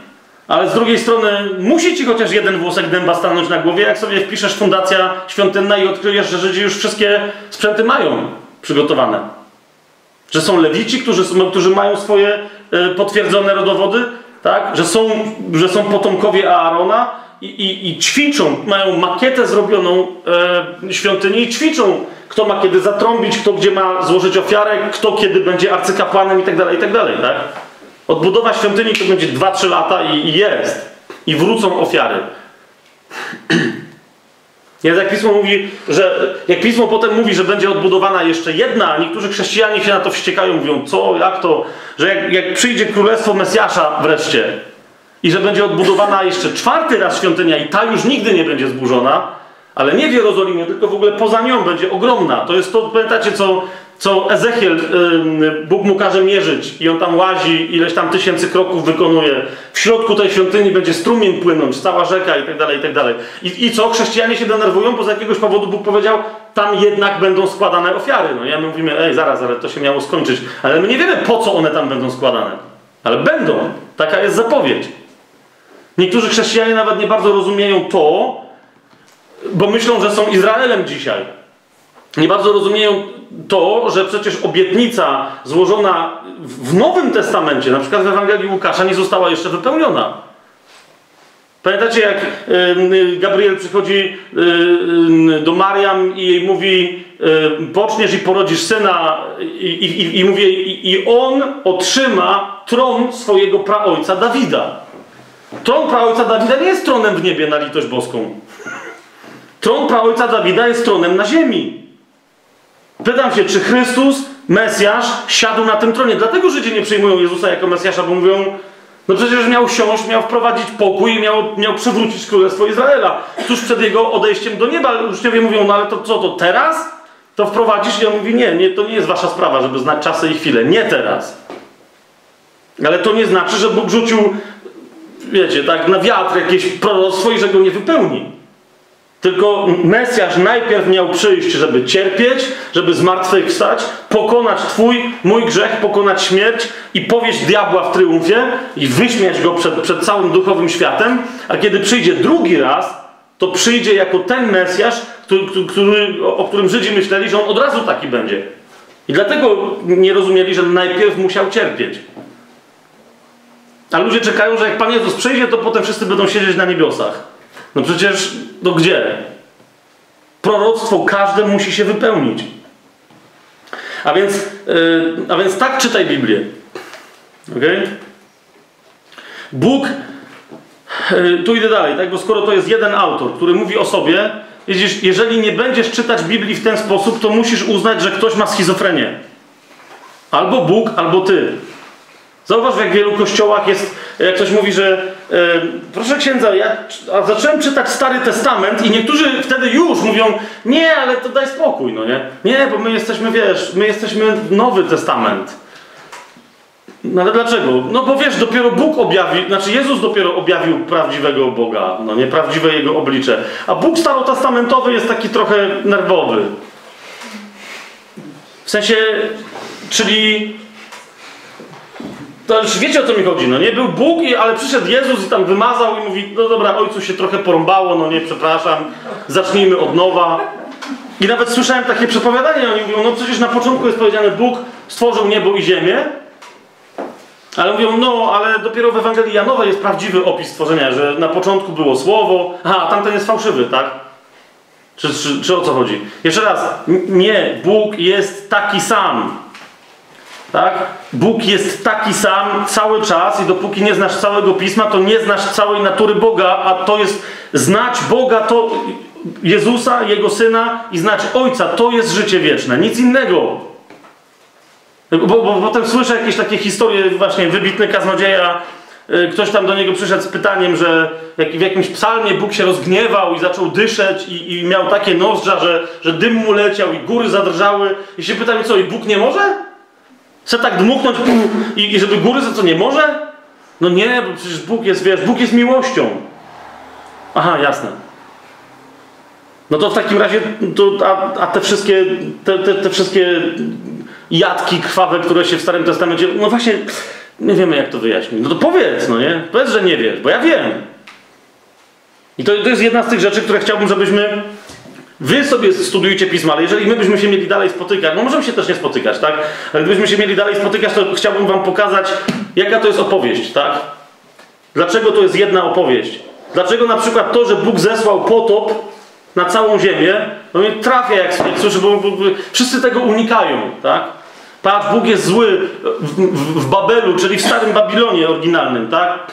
Gdzie Nimrod rządził i, i uprawiał czary. Bo przecież chyba y, tylko łośby zrozumiecie, bo wszyscy myślą, że, że oni naprawdę zbudowali taką wieżę, że była aż do nieba. To była wieża, która była po prostu która była piramidą, na czubku której wykonywały się magiczne rytuały, tak? które sięgały, mogły sięgnąć aż do nieba. Co nawiasem mówiąc przed potopem było faktem, tak? Stąpili aniołowie Boży i mieli dzieci z córkami ludzkimi. Teraz chodzi mi o to, że, że jak tam Bóg pomieszał im języki, to żeby uratować ludzi przed ich własnym złem. A, a, a nie, żeby nie robili czego chcą.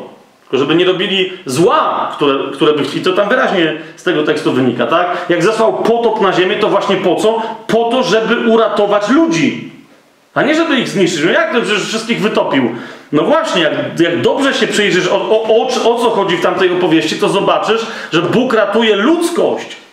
Przed kim? No właśnie, tak? Nie, nie, przed, nie dobrych ludzi przed złymi. Bóg ratuje ludzkość, którą On stworzył. Przed, przed no właśnie. Jest wiele innych tego typu historii, tak? Gdzie y, ludzie niektórzy mówią, że wiesz, jest wiele niewygodnych pytań. Tak, nie ma żadnych niewygodnych pytań. Zadaj niewygodne pytanie, ale następnie sięgnij do pisma jego całości i zobacz, że ona w całości ci odpowie. Dalej. Jeżeli to jest historia jedna od początku do końca, to jednocześnie trzeba zrozumieć, że ona ma etapy. I, I, nie można sobie z niej wybiórczo coś tam wywalać, no właśnie tak jak powiedziałem przy okazji tej dziesięciny i ktoś tam, zobaczcie, całe nauczanie na temat dziesięciny, jak ktoś się z nim spotkał, to jest nauczanie e, odnoszące się do pierwszego, nie do pierwszego, tylko do przedostatniego przymierza. Wszyscy to cytują, Księga Malachiasza. Nie, nie oszukujcie mnie na daninach i dziesięcinach, mówi Pan. Przynieście mi wreszcie swoją dziesięcinę, a wtedy przyjdźcie się, się ze mną kłócić, załóżcie się, czy wam nie pobłogosławię. Tak? I, I, automatycznie stąd przeskok, a zatem czekam na wasze dziesięciny. No ale zaraz, ale kto to powiedział? Bóg. Do kogo? Do ludzi, którzy byli pod tamtym przymierzem. Co oznaczała dziesięcina? Jak chcesz dawać dziesięcinę, to dokładnie sprawdź. Trzy rodzaje dziesięciny. Jedna z płodów. Ok? Przez dwa lata. Na co? Na lewitów. Druga, trzeciego roku, w ogromnej ilości. Na co? Na ubogich, na sieroty i na wdowy. Trzecia, spieniężona, na przykład w odmianie swojej, jeżeli ktoś chciał dać pieniądze zamiast płodów rolnych albo płodów y, bydła, musiał dać więcej pieniędzy niż normalnie y, oddałby wartości w tych zwierzętach. Czemu tak jest? Nie wiem. Może Bóg nie ufał ludziom, którzy będą przeliczać na pieniądze. Dlatego dziesięciny w pieniądzach były rzadkie, nawet w tamtym przymierzu. Ale jeszcze raz pytanie brzmi, czy ty, przyjmując Chrystusa, Dałeś do, pod obrzezanie serce, czy jakiś, i to w duchu, czy jakiś kawałek swojego ciała? No bo jeżeli tak, rozumiesz, jak chcesz dawać dziesięcinę, to co wchodzisz z powrotem pod tamto przymierze, to pamiętaj, przekroczysz jedno przykazanie, jak mówi Paweł. Jedno z tamtych sześciuset kilkunastu i jesteś winien całego zakonu. I co wtedy? To po co Chrystus w takim razie umierał i co najważniejsze, po co zmartwychwstawał? Po to, żeby się na powrót, na powrót poddawać pod jarzmo tamto, które miało tylko nam pokazać, że my sami z siebie nie umiemy zachować prawa? Łaską jesteście zbawieni przez wiarę, a nie z uczynków, żeby się nikt nie chlubił. List do Efezjan. To mamy wracać w związku z tym yy, po- pod, pod, pod prawo lęku napisane na kamieniu, zamiast się wsłuchać w prawo, które mamy tutaj napisane. Dawaj więcej niż 10, czę- 10 części swojego zarobku, czy czego tam chcesz, tak? Ale dawaj dlatego, że chcesz, bo radosnego dawcę miłuje Bóg. Mówi nasze przymierze, to, które jest ostatnie i ostateczne. I teraz widzisz, chodzi mi o to, żebyś zobaczył, niektórzy mówią Stary Testament, że jest Stare Przymierze i jest Nowy Testament, że jest Nowe. Ale ja wolę mówić pierwsze przymierza, tak? Albo wszystkie przymierza bez ostatniego. Co ty myślisz, że Bóg tylko, yy, że tylko z Mojżeszem i z Izraelem zawarł przymierze? A przymierze z Noem, a przymierze z Adamem, a przymierze, rozumiesz, przymierzy osobowych jest mnóstwo. I teraz musisz rozumieć, które do czego doprowadziło i teraz co oznaczało także to mojżeszowe. Jak czasem yy, wkładam kij w mrowisko i mówię, że nas nie obowiązuje dekalog, to niektórzy w ogóle, wiecie, weź, ale już, już bez przesady, nie?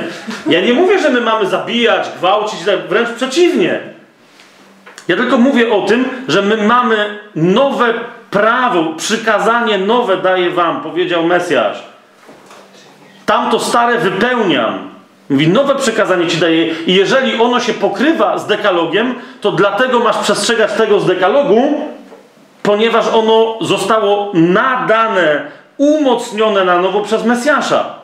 Ale swoją drogą zauważcie, Mesjasz wy- wyraźnie mówi, co myślisz, że co, że cię obowiązuje nie cudzołóż?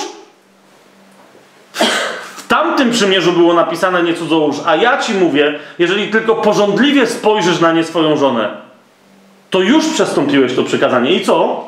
Obowiązuje nas dekalog? No oczywiście, że nie. Obowiązuje nas coś znacznie poważniejszego. Niektórzy mówią, no to ciężar jest większy. Oczywiście, że nieprawda, ponieważ wraz z Nowym Przymierzem przychodzi duch, który pozwala ci to zrobić tak o, pod warunkiem, że przestaniesz wreszcie opierać się na własnych wysiłkach, a zaczniesz pozwalać działać w sobie łasce i jej mocy. A więc przymierzy jest wiele. Wszystkie zmierzały do tego ostatecznego. I teraz patrz, list do Hebrajczyków, jeden z moich absolutnie ulubionych. Niektórzy mówią, no to jest list do Hebrajczyków, czyli do Żydów. No nie, ja nie jestem Żydem, to nie czytam. Zwłaszcza, że jak otworzę, to i tak nie wiem, co tam jest napisane. Znowu, nie otwieraj na liście do Hebrajczyków, ale jak, jak zobaczysz, co oznaczał zakon i przymierze Mojżesza, skąd się ono w ogóle wzięło, to wtedy to rozumiejąc, jak przeczytasz list do Hebrajczyków, to nagle zrozumiesz, że to wszystko musiało się stać, żeby Mesjasz wypełnił każdą, każdą rzecz z tamtego prawa co do joty. Kiedyś spotkałem, znaczy się, nie osobiście, tylko spotkałem się z materiałem człowieka, który stwierdził, że odnalazł Arkę y, Przymierza w Jerozolimie. Nie wiem, czy to jest prawda, bo tam Żydzi coś wokół tego, jakąś taką, jakąś taką tajemnicę robią, że nie wiadomo, czy to jest prawda, czy nie. Ale, po, ale, ale jedna z rzeczy, która zaczęła mi kazać myśleć, że całkiem możliwe, że to jest prawda, było jego stwierdzenie. On powiedział, że ją znalazł dokładnie pod miejscem, nie tym, które teraz w Jerozolimie jest wskazywane jako miejsce ukrzyżowania Jezusa, tylko we właściwym miejscu, tak, Golgoty. W skale tam, nie będę teraz tego opisywał, ale mówi, że później zupełnie inne jakieś tam odkrywki robili i nagle mówi, że dotarliśmy do, do Arki. Ona nigdzie nie była wyniesiona. Po prostu Jeremiasz ją tam, w, w tych grotach Jeremiasza zostały schowane. Została schowana. No, no okej, dobra, to, o, słucham, słucham dalej opowieści. On mówi, że, że jak robili badanie, okazało się, że całkiem możliwe, że jeżeli na górze umarł Jezus, tak, to pęknięcie spowodowane przez trzęsienie ziemi, które przez całą skałę po prostu ją rozdarło, spowodowało, że krew jego spłynęła na dół. I dotknęła Arki Przymierza, bo były wyraźne ślady krwi na niej, tak? I on mówi, tylko że nie, na, mówi, no nie, nie spadła ta krew na tą stronę, którą Biblia, y, stary, Stare Przymierze Mojżeszowe opisuje, że tam miała być składana ofiara, ale spadły na tą stronę, która miała być nigdy nietknięta krwią ofiary zwierzęcej. To znaczy, jak to usłyszałem, bo on tak gadał, to był adwentysta, tak? I chodzi mi o to, że on tak gadał i tak trochę z początku sam nie bardzo wiedział, co gada, natomiast Natomiast mnie zatkało, rozumiesz, jak mnie ktoś chwycił za gardło. Bo ja nigdy nie rozumiałem, dlaczego Bóg powiedział, żeby, żeby, te, żeby te strony ofiarnicze, żeby jedna była zajęta, a żeby druga była nietknięta. I jak potem czytasz list do Hebrajczyków, że były składane ofiary przez arcykapłana rok w rok, Jom Kippur, żeby pokropić Izraela i żeby go obmyć z jego grzechów, ale oni potem znowu grzeszyli i znowu, i to było w kółko. I jak czytasz, że Chrystus tam wszedł, i złożył ofiarę raz na zawsze jak należy, tak jak była zapisana i przepisana w prawie Mojżesza. I złożył ją tak, że już nikt więcej nie musi, to jest logiczną rzeczą, że ją musiał złożyć na tej drugiej stronie. Bo jak tam złożył ofiarę, a nie był, a nie był zwierzęciem, tak? tylko był sprawiedliwym, był człowiekiem, to już od tej pory ta, która cały czas była używana, już nie musi być używana, nie może być wręcz używana, bo już nie ma żadnej więcej ofiary. Ta jest ostatnia, ostateczna i jedyna. Koniec. Rozumiecie o co mi chodzi? Ja, jeszcze raz mówię, nie, nie idzie mi o to, że tam na pewno jest ta arka, czy nie ma, tylko gdyby się tak okazało, to bym się wcale nie zdziwił, że rzeczywiście ona była przez Boga, nie bo oni nie wiedzieli, co się potem wydarzy, była schowana dokładnie pod krzyżem i dokładnie tam ta krew spadła, tak? Bo, bo, bo prawo tak to przewidziało, a dokładnie tak to opisuje list do Hebrajczyków, nie wiedząc w ogóle, gdzie jest arka, tak? Bo Paweł, który jak wierzę napisał list do Hebrajczyków, przecież on tego nie wiedział, tak? Ale on to opisał od strony duchowej, mówi, mówi "M- może być tylko tak, nie inaczej.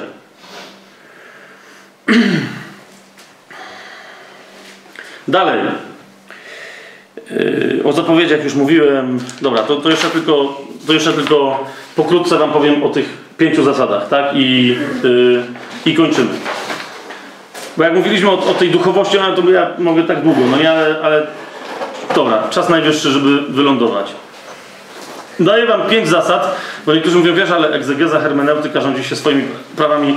Egzegeza to już mówiłem, co to jest. To jest wyciąganie znaczenia z tekstu. Hermeneutyka to jest sposób interpretacji dowolnego dzieła literackiego, tak po prostu. Pięć, pięć zasad tylko chcę Wam e, przekazać. Jak chcecie, to sobie potem to możecie skserować, czy to osobiście badacie pismo, czy z kimś. Po pierwsze, zasada, która wiem, że będzie brzmieć, e, zabrzmieć dla niektórych jak jakaś idiotyczna tautologia, no ale po pierwsze, czytaj właściwy tekst. To jest pierwsza zasada mm, rozumienia słowa. Tak? Nie czytaj tekstu zreinterpretowanego, tylko dowiedz się, co naprawdę jest napisane w tekście. Niektórzy mówią, no ale ja nie znam oryginału. Nie ma, nie ma dzisiaj wymówek. Okay? Istnieją w internecie chociażby, do którego mamy wszyscy dostęp, narzędzia, które są za darmo. Yy, Ja osobiście korzystam bardzo często, bo jest bardzo poręczne, z czegoś, co się nazywa Blue Letter Bible, tak? czyli yy, Biblia niebieskiej litery. Blue Letter Bible.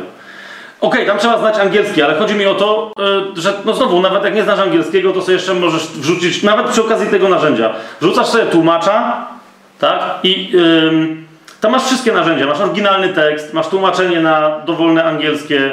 Yy, okazało się ostatnio, z, z, oni tam naprawili jedną rzecz, jak macie, bo wcześniej nie było te, tego narzędzia na iPhony. Teraz jest na iPhone'ach, można sobie ściągnąć, tylko tam nie ma narzędzi, ale można sobie ściągnąć aplikację i, i, czytać yy, w paru yy, możliwych tekstach, czytać Biblię, jak chcesz, po angielsku, w jakichś tam paru innych językach, ale też sięgać do oryginałów. Na yy, wersji na stronie możesz każde słowo tam roztrzaskać. Dobra, trzeba troszeczkę potem rozumieć, bo słowa są podane w formie słownikowej yy, i nie do końca, jak nie znasz greki czy hebrajskiego, to tam nie zobaczysz, ale to nie ma znaczenia. Tak, bo to już jest głębsze studium. Nie tylko idzie o to, e, z Madzią jakoś tam niedawno rozmawialiśmy o liście do Hebrajczyków i ja jej tam mówię, że, że, że- Bóg tych, którzy mają wiarę, i tam jej cytowałem e, fragment, że, że, że, że tych, którzy mają wiarę, wynagradza. Tak? I, I Madzia, widzicie, właśnie to jest to, o czym mówię, wprowadzenie Ducha Świętego. Ma, Madzia mnie, no nie? I mówi, a on mówi, kurczę, nie podoba mi się to, no nie? Co tam jest naprawdę napisane? Że no tak się czepiasz, no, nie? no, no jest napisane, pewno co ma być napisane, ale sięgnąłem do Greki, tak? Miałem problem, powiem wam, bo nie, nie bardzo rozumiałem, nagle zobaczyłem, no nie ma tam, że, że wynagradza. Była przedziwna konstrukcja, ale naprawdę nie zajęło mi to długo, żeby sprawdzić, bo sam nie rozumiałem, przyznaję się bez bicia, nie wiedziałem, co jest napisane. No jest napisane, że Bóg z tym, kto w Niego wierzy, wchodzi we wzajemność obdarowywania się. Czujecie to? To jest zupełnie historia niż, że ty coś robisz, a Bóg ci daje nagrodę, jak psu, no nie? I ty znowu coś robisz i Bóg... Zwłaszcza, że to byłoby niezgodne z tym, co mówi list do Rzymian, tak? No mówi, Bóg nie jest kimś, kto reaguje dopiero jak ty go popchniesz, no nie? Większość ludzi, zwróćcie uwagę, w chrześcijaństwie dzisiaj tak wierzy. Że modlą się, poszczą, żeby wymusić na Bogu działanie, no nie? A, a przecież on już wszystko dał, tak? List do Rzymian o tym mówi, tak, Paweł tam nie może zrobić, ej ludzie, Przecież ty nie możesz wymusić ruchu na Bogu. No, Bóg już wszystko zrobił. Jest tu, y, i i widzicie, na przykład jakbym was teraz zapytał, bo tu sobie podam tak parę takich przykładów, tak? Miej pewność, tu sobie napisałem, że wiesz, co znaczą słowa z tekstu. Jak się zapytacie przeciętnego chrześcijanina, co to jest Ewangelia, to naprawdę nie będzie wiedział. Ewentualnie co cwańszy powie ci, ha, to jest dobra nowina, no nie? To go zapytaj, ha, a co jest dobrą nowiną? No i co się wtedy stanie? Dobra nowina jest elegancko opisana na początku 15 rozdziału pierwszego listu do Koryntian. I tam niektórzy doznawają, doznają wstrząsu, mówią, ale tam nie ma napisane, że Bóg cię kocha, a ty tego nie czujesz i musisz go przyjąć jako zbawiciela. Nie, no pewnie, że nie ma napisane. Jest tylko napisane, przekazuję wam, przekazałem wam dobrą nowinę taką, jak ja sam otrzymałem, że Chrystus zgodnie z Pismem umarł za nasze grzechy, został pogrzebany, a następnie po trzech dniach zgodnie z Pismem zmartwychwstał. To jest dobra nowina. I niektórzy mówią, a i co w tym dobrego? No właśnie! Na tym, że to było zgodnie z pismem. Co to znaczy? To, że jest twoje zadanie, żeby się tego dowiedzieć. Ale zauważ, jak nagle jesteś daleko od słowa Ewangelii według świętego Marka. Tak? Tylko dobra nowina. Wiedz, co to jest dobra nowina. Kościół. Nawrócenie. Kolejne genialne słowo. Wiecie, o kim pierwszy, y, pierwszym Biblia mówi, że się nawrócił? Bóg się pierwszy nawrócił w Biblii. Zobaczył Bóg zło i zepsucie ludzi na całym świecie i nawrócił się, tam jest dokładnie tak powiedziane, że się nawrócił od tego, co zrobił. Niektórzy to tłumaczą, że pożałował, no i słusznie, że pożałował, że stworzył ludzi, tak? No właśnie, ale co znaczy nawrócenie? To znaczy odwrócenie się od jakiegoś rodzaju uczynków? Okej. Ale niektórzy mówią, no nie, i, i, zamiast tego tłumaczą w niektórych całkiem też słusznie po polsku, że na, nie ma, jakie nawrócenie, nie ma czegoś takiego. Metanoja to jest pokuta. No ale znowu, pokuta, innym się kojarzy, jedno z najlepszych słów, jakie w ogóle się pojawiło w języku polskim, to jest upamiętanie. Bo metanoja oznacza działalność, którą dokonujesz w sobie, umysłową, duchową, która jest nagle zobaczeniem w duchu zła, które czynisz i odwróceniem się od tego, ale nie z lewa w prawo, nie z tyłu w przód, tylko z dołu do góry. Tak? Dlatego to jest metanoja, pod, pod przesunięcie swojego umysłu do przodu, a, a nie odwracanie go do tyłu. Ale jeszcze raz, mamy masę takich słów jak nawrócenie i wszyscy myślą, że wiedzą, co, to znaczy. Nawracajcie się i wierzcie w Ewangelię. Głosił Pan Jezus, czyli co On głosił? Spytaj się babci, będzie w szoku. Że ją pytasz, że ja, no jak? No, popielec, tłusty czwartek dzisiaj, nie? W popielec będziecie co chwila słyszeć, nawracajcie się w, w, w kościołach katolickich i wierzcie w Ewangelię. I nikt nie będzie wiedział o co chodzi. co się stało? Przyjąłem sakrament, no nie? Posypali mnie. Ósmy sakrament w kościele, posypanie popiołem.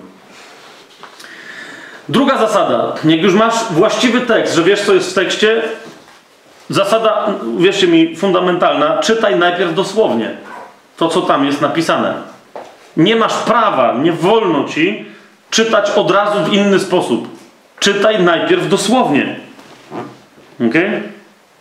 Całe Słowo Boże ma oczywiście wiele warstw znaczeniowych. I na przykład to, że Abraham miał złożyć w ofierze Izaaka, oczywiście, że się alegorycznie odnosi, o tym samo Pismo Święte mówi, alegorycznie się odnosi do tego, co następnie stało się z Jezusem. Nie wiem, czy zauważyliście, nawiasem mówiąc, na dokładnie tej samej górze, na dokładnie tym samym miejscu. Bo Golgota to jest góra Moria, na której Abraham miał złożyć w ofierze Izaaka. I zauważcie, jak wtedy pojawia się e, anioł i mówi: Abrahamie, a co ty robisz? Bóg sobie znajdzie baranka na ofiarę. Słyszę, rozumiecie? I nagle w tym samym miejscu potem Chrystus jako ofiarek jest, jako baranek jest złożony w ofierze. To, to jest strzał, jest, jest zapowiedź. Co nie zmienia faktu, że fizycznie wydarzyła się taka historia, że Abraham myślał, że ma zabić swojego syna. I Bóg mu mówi, puknij się w czoło. Ja nie jestem żadnym debilem, demonem, który, pogański, który udaje pogańskiego bożka. Jestem Bogiem, który kocha swoje dzieci. I nie rób tak, rozumiesz? Niech ci to w życiu do głowy nie przyjdzie. Jeżeli kiedyś trzeba będzie złożyć ofiarę, to Bóg znajdzie swojego baranka, a ten baranek powiedział też, że to nie ojciec mi odbiera życie, ani nikt inny. Mówi, ja je sam od siebie oddaję. A więc zawsze czytaj najpierw dosłownie. Bóg wie o tym, że mówi do ludzi, w związku z tym czytaj po ludzku, no normalnie.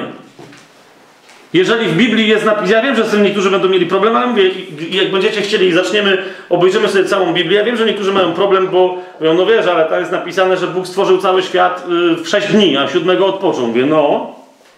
No i to mam czytać dosłownie. Zrozum człowieku. Nawet jeszcze w kolendach niektórych się przecież śpiewa. Cztery tysiące lat oczekiwany. Pamiętacie to? A teraz już mamy wiele tysięcy. Ewolucjonizm się wdarł. Tak? W XIX wieku dla wszystkich to było oczywiste. Bóg stworzył świat w 6 dni, chyba że nie był chrześcijaninem, ktoś tak? Siódmego dnia odpoczął i potem dokładnie świat ma 7 tysięcy lat, max. I Darwin doskonale o tym wiedział, że jak rozciągnie w nieskończoność pewne historie, to to będzie atak na Pismo Święte i powie, no i co? Pismo Święte kłamie, dlatego że świat ma, nie wiem, 100 tysięcy lat, 200 milion i tak dalej. Tak? A dzisiaj chrześcijanie mówią, nie, luzik, no nie, bo to jest taki symbol. No nie. Znaczenia alegoryczne nie oznaczają, że nie ma znaczenia dosłownego. Teraz jak sobie z tym poradzić? Możemy sobie z tym poradzić. Na pewno nie przez stwierdzenie, e, które niektóre e, wyciągane e, od, z listów Piotrowych, że u Boga jeden dzień jest jak tysiąc lat. Nie, nie, nie, nie, nie. Bo problem nie stanowi pierwsza księga Mojżeszowa, tylko księga wyjścia, w której jest, jest, jest napisane, że macie świętować szabat jako jeden konkretny dzień, bo Bóg w takich samych dniach pracował i takiego samego siódmego odpoczął. Więc tam jest wyraźnie powiedziane, nie, my mówimy, że literalnie Bóg stworzył świat w sześć dni. Kapujesz, tak? Mówi słowo. Hebrajskie Jom. No, tak? Więc jak sobie z tym poradzić, nie będziemy od tego uciekać. To dlatego mówię, czytaj dosłownie, tak? Nie stosuj eisegezy, czyli że właśnie wolę nie dyskutować z ewolucjonistami, więc powiem, że to jest taki ogólny opis, no nie? Nie było raju, w sensie Edenu, nie było węża, nie było kuszenia, nie było Adama i Ewy, były małpy i potem i tak dalej, i tak dalej. No, nie? no ja nie wiem, może były, tak? Ale wtedy odrzuć Pismo Święte, to ci mówię wprost. I przestań udawać, że to się wszystko da pogodzić. Albo nie odrzucaj i wtedy zobacz, i, i, no, no, no właśnie, bo, bo może istnieje zupełnie inna naukowa wizja świata, tak? I wcale się teraz nie odwołuje do jakichś, wiecie, szalonych polskich kreacjonistów, tylko zupełnie do, do, do innej historii, tak? Może nie wiesz dokładnie, co tu jest napisane, tak? I pozwalasz sobie wmawiać ludziom, którzy ci chcą odebrać wiarę i moc zawartą w słowie i ci mówią, tam są bzdury napisane. Przecież wiesz, nauka dowodzi, że. Nie, nie. Oczywiście, jak już czytasz dosłownie, yy, to potem trzecia zasada brzmi: czytaj w kontekście. Tak? Zawsze czytaj w kontekście. Co to oznacza? Po pierwsze, upewnij się, jaki jest bliski i upewnij się, jaki jest szeroki kontekst. Pierwsze, bliski, jeżeli czytasz zdanie, to go nie wyrywaj z kontekstu, tylko sprawdź, tak? To zdanie o czym mówi w kontekście akapitu. Akapit o czym mówi w kontekście rozdziału. Rozdział o czym mówi w kontekście całej księgi. Bo inaczej naprawdę m- można stworzyć egzegezę typu, jak myśmy się kiedyś bawili na teologii, wyrywając e, przypadkowe dwa. Jednemu się kiedyś genialnie trafiło, otworzył Biblię i mówi, o Judaszu tam był fragment, poszedł i się powiesił. Otworzył drugi raz, idź i ty czyń podobnie. No i niektórzy, dobra, to był żart e, głupi, e, ale niektórzy na tym budują całą teologię. Na przykład świadkowie Jehowy, którzy twierdzą, że Archanioł Michał jest Jezusem. Zdziwilibyście się, jaki mają genialny dowód biblijny, no nie? No, oczywiście musiał być całkowicie niezgodny z podstawowymi za- zasadami egzegezy, ale oni naprawdę w to wierzą, że, że Archanioł Michał to jest Jezus, no nie? I że na końcu on będzie trąbił, no nie? A sądził będzie kto inny, bo i tak dalej, i tak dalej. Szaleństwa.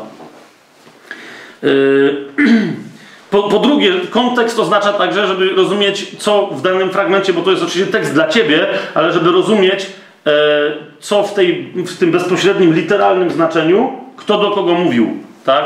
Czy to pisze Paweł do, y, do gminy chrześcijańskiej w Koryncie, czy to pisze Mojżesz i ustala prawo dla narodu i tak dalej, i tak dalej. Kto, kto do kogo? I wreszcie sprawdzaj gatunki, bo nawet dla dziecka jest oczywiste, że co innego dany tekst oznacza w bajce, a co innego oznacza w kodeksie prawa karnego, tak? Po prostu ma inne konsekwencje. Kontekst zawsze rozjaśnia tekst. Czwarta zasada, niezwykle istotna, nigdy nie czytaj tekstów yy, na dany temat, tak żeby z nich wyciągać z jednego tekstu, no bo nawet cały tekst znajdziesz, jakiś rozdział, tak? Na przykład na temat mówienia językami. 14 rozdział pierwszego listu do Koryntian i już wszystko jest załatwione. Nie, nie, nie, nie. nie. Biblia jest napisana, kiedyś pracując z różnymi ludźmi ze służb, to oni mi na to zwrócili uwagę, że Biblia jest napisana jak porządne materiały porządnego kontrwywiadu. Czyli, żeby ustrzec się zafałszowania, bo ktoś z wywiadu albo kontr, kontrwywiadu może się wedrzeć i pozmieniać dane. Dane nie są poszeregowane, ale, ale konkretny temat jest rozwinięty, jest wpleciony w Biblię jak nitka, przez całą Biblię się ciągnie. Tak? I nawet jak ktoś wyrwie jeden kawałek, to nie będzie wiedział, że i tak te, ten message, że się tak wyrażę, i tak w pozostałych miejscach w Biblii istnieje. Macie gdzieś w Biblii osobny rozdział na przykład na temat chrztu? Gdzie jest osobny rozdział w Biblii na temat zbawienia? Gdzie jest osobne nauczanie, takie, żeby było uporządkowane na temat usprawiedliwienia? Gdzie jest na przykład rozdział na temat aniołów i tak dalej, i tak dalej. Na, na temat tego, że Bóg jest miłością i co to oznacza, jaki to ma związek z ogniem. I tak dalej. Nie ma, tak? I ludzie się czasem denerwują mówią, kurde, nie mógł Bóg to jakoś tak uporządkować, jak w Koranie, albo jak w Bhagavad Gita. A jest konkretnie powiedziane, to jest to, to jest to, tylko wyrwij tam ten rozdział i oni już nie wiedzą, co mają robić. Tak? Biblia jest zabezpieczona przed oszustwem właśnie w ten sposób. I dlatego, jeżeli gdzieś coś odkryjesz i mówisz, o, tu jest napisane, jest zasada, która y, dokładnie ta sama się stosuje, jeżeli chcesz kogoś w kościele oskarżyć, albo go y, upomnieć, albo, znaczy nie oskarżyć, tylko upomnieć, e, przywołać do porządku, e, musi się sprawa, jak mówi y, Ewangelia Mateusza, 18 rozdział, 16 werset, niech się sprawa oprze na słowie dwóch, czy na świadectwie dwóch albo trzech świadków. A więc jeżeli ktoś mówi, tak, że y, co, to są, co to jest dar modlitwy w językach, gra, sięgnij do 14 rozdziału pierwszego listu do Koryntian. Fantastycznie, tam jest parę tekstów, ale to jest jeden spójny tekst. Znajdź jeszcze przynajmniej dwa lub trzy miejsca gdzie indziej w Biblii, które mówią o tym samym i wtedy dopiero na, na tej podstawie buduj jakieś przekonanie czy jakąś doktrynę. Jasne jest to, to co mówię? Znajdź nić znaczeniową, która się ciągnie przez Biblię. Dopóki jej nie masz, to jeszcze niczego nie odkryłeś. I ostatnia, absolutnie ostatnia rzecz, i na tym skończymy, chyba że macie jakieś pytania, ale ostatnia rzecz do waszej osobistej pracy. Zawsze, zawsze czytaj przez Jezusa, z Jezusem i w Jezusie. Na początku Gdyby to po grecku, nie po grecku, ale po hebrajsku powiedzieć, musielibyśmy prolog do Ewangelii Janowej, zresztą który prawdopodobnie był oryginalnie wygłoszony czy zapisany po hebrajsku, musielibyśmy powiedzieć, bo w hebrajskim nie ma stricte czasu przeszłego, takiego jak w greckim. Na początku jest słowo, zawsze. Słowo jest u Boga i Bogiem jest słowo. I nic się nie dzieje bez niego, a wszystko się dzieje tylko i wyłącznie przez nie. Tak? A zatem jak studiujecie słowo, zawsze pamiętaj, puszczaj cokolwiek zobaczysz w Starym, w Nowym Testamencie przez filtr Jezusa. Jak nie rozumiesz, co to znaczy, to szukaj gdzie indziej, pytaj w innym miejscu, ale nigdy nie stawiaj pochopnych wniosków. Potop na przykład i Noe i cała jego postać zrozumiała tylko z perspektywy Jezusa. Cały Stary Testament opowiada o mającym nadejść Mesjaszu, cały Nowy Testament objawia, co mówił tak zwany stary. Cały, całe pismo natomiast jest, jest objawieniem Jezusa. A dlaczego to jest istotne? Bo On w sobie objawia Ojca. Jeszcze raz, jakbyście sięgnęli na sam koniec do Ewangelii Jana, do 14 rozdziału.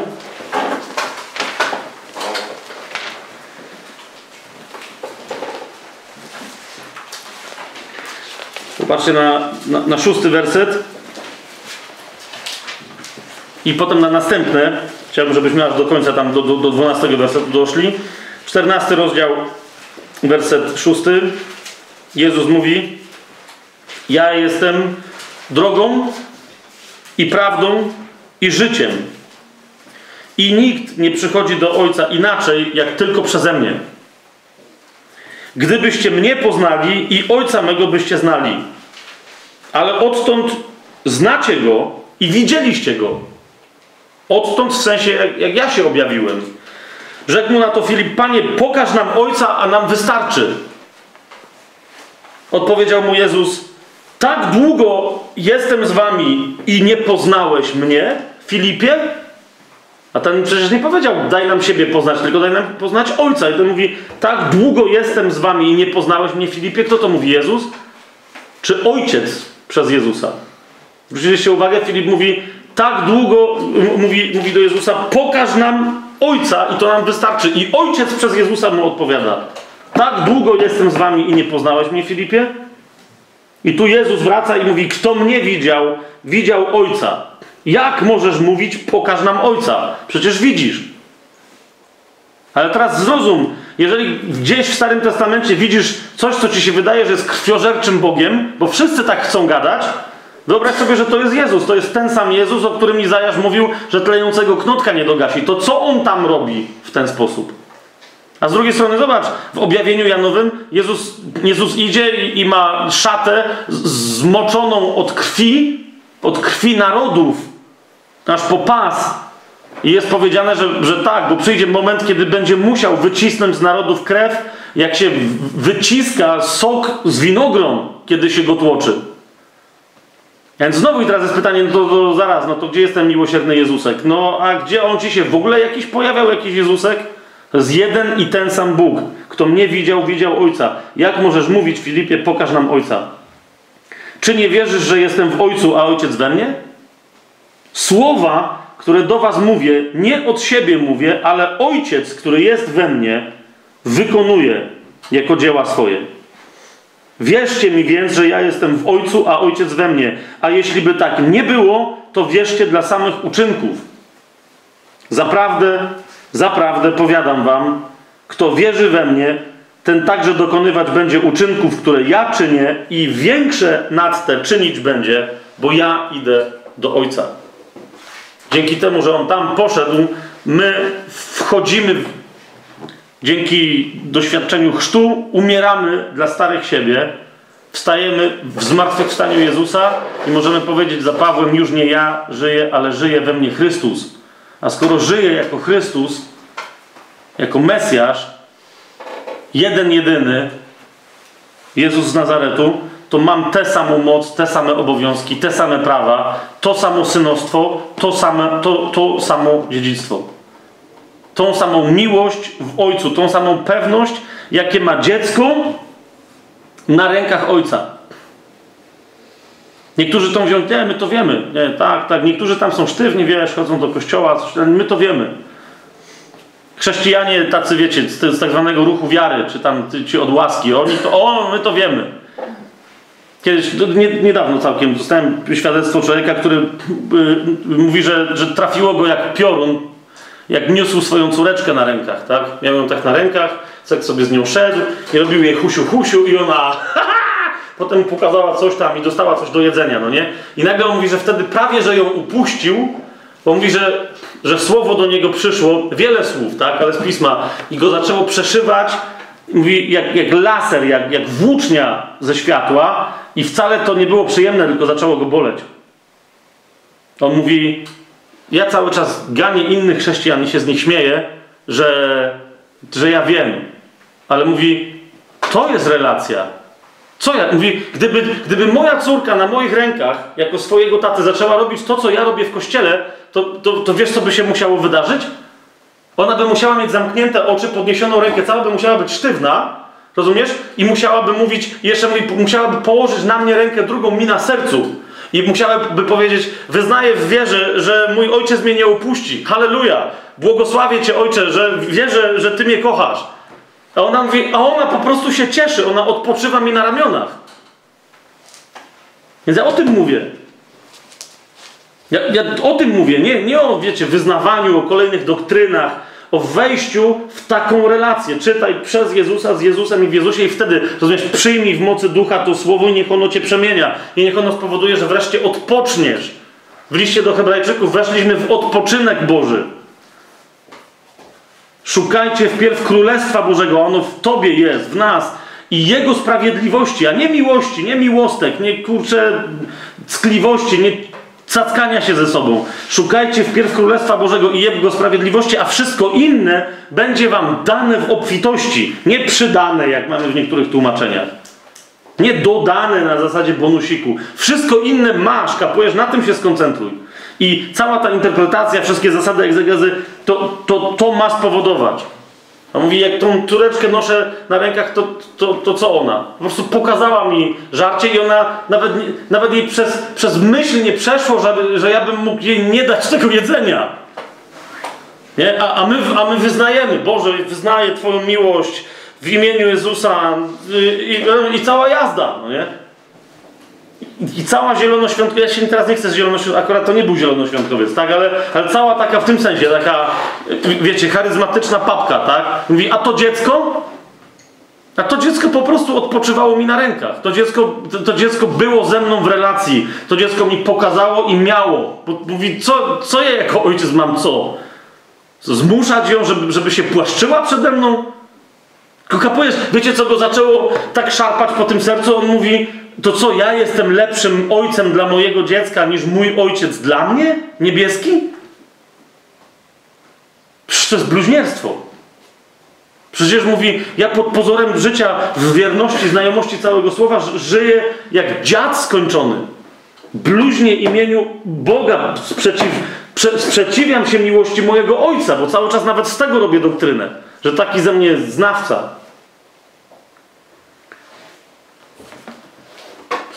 Przez Jezusa, z Jezusem i w Jezusie tak ma być czytane ca całe słowo. Bez Niego Biblia jest kompletnie, całe słowo jest kompletnie niezrozumiała. Z Nim, jak powiedziałem to na początku, trzeba tylko czyjejś wydatnej pomocy, żeby Biblii nie zrozumieć, lub trzeba czyjejś wydatnej pomocy, żeby się z innym chrześcijaninem, z innym wierzącym, z, z innej części ciała Chrystusa, żeby się z nim nie zgodzić. Jedność dzisiaj, słuchajcie, wraca wszędzie na świecie, tam, gdzie ludzie odzyskują wolność, którą mają w Chrystusie i, i biorą odpowiedzialność za swoją postawę w wierze i za, i za swoją wiarę i za, za uczynki z niej wynikające. Wszędzie na świecie. Gdzie jesteś ty, to ja nie wiem, ale wiem, gdzie możesz być. Studiuj słowo, nakłoń ze dwie, trzy inne osoby, żeby robiły to z tobą i zobacz, i zobaczcie, co się potem będzie działo. Ja mam tutaj dwie propozycje, jeżeli my się w ogóle dalej możemy spotykać.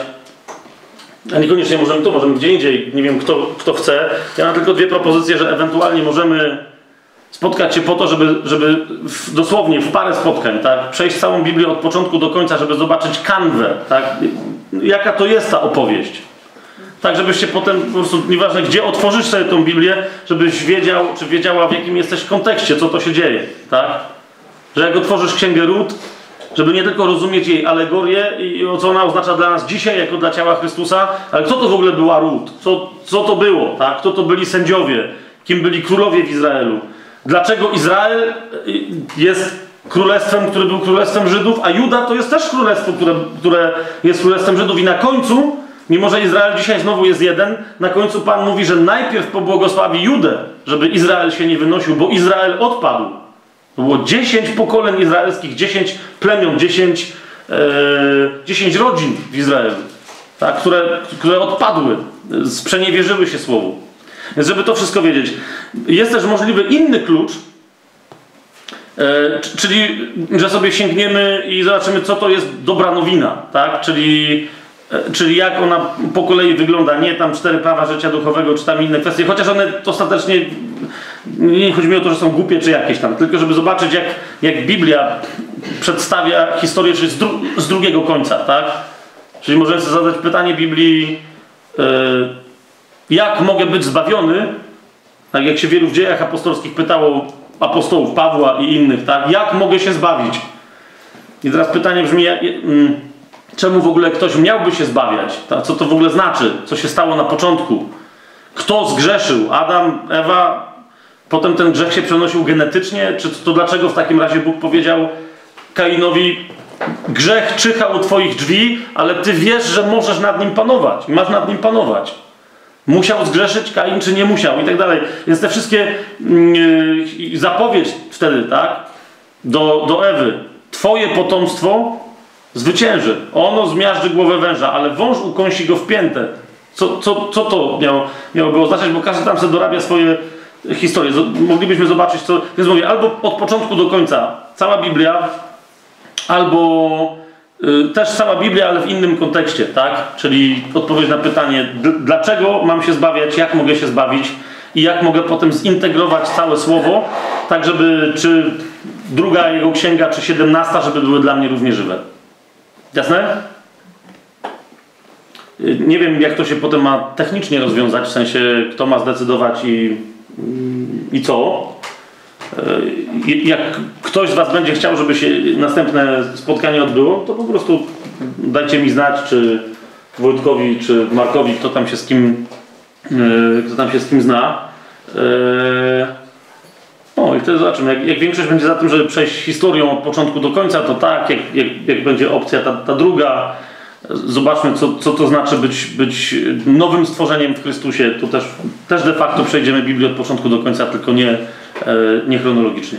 Ja bym nie chciał, żeby się to przerodziło w jakieś, wiecie, szkołę biblijną czy coś tam, tylko e, żeby nawet już po dzisiejszym, tak, to jest, ufam, że tam ktoś został poruszony, to mówię, to niektórzy z Was, zwłaszcza, że wiem, że to robią, także to, to spoko, tak, że się spotykacie i dzielicie się słowem, ale nie wiem, czy wszyscy, więc to mówię, najważniejszy efekt dzisiaj chciałbym, żeby to było studiujcie Biblię, śmiało to róbcie według tych zasad, o których żeśmy dzisiaj mówili. Jak tylko na tym zostaniemy, też jest e, fantastycznie. Natomiast z mojej strony mo, mogę jeszcze parę rzeczy dorzucić, po to tylko, żeby Wam było łatwiej, a nie żebyśmy my tu e, zakładali jakiś nowe, nowy autorytet. Tak?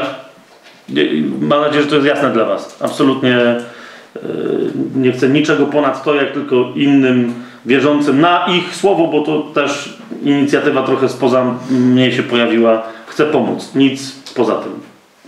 Za często byłem, bywałem y, guru, liderem różnych y, rzeczy i po prostu nie. Nie, nie, gdy idzie o Biblię. Tutaj dość. Potrzebujemy przebudzenia w całym Kościele Chrystusowym, bo po prostu czas jest bliski, a głodnych jest coraz więcej, którzy umierają z głodu.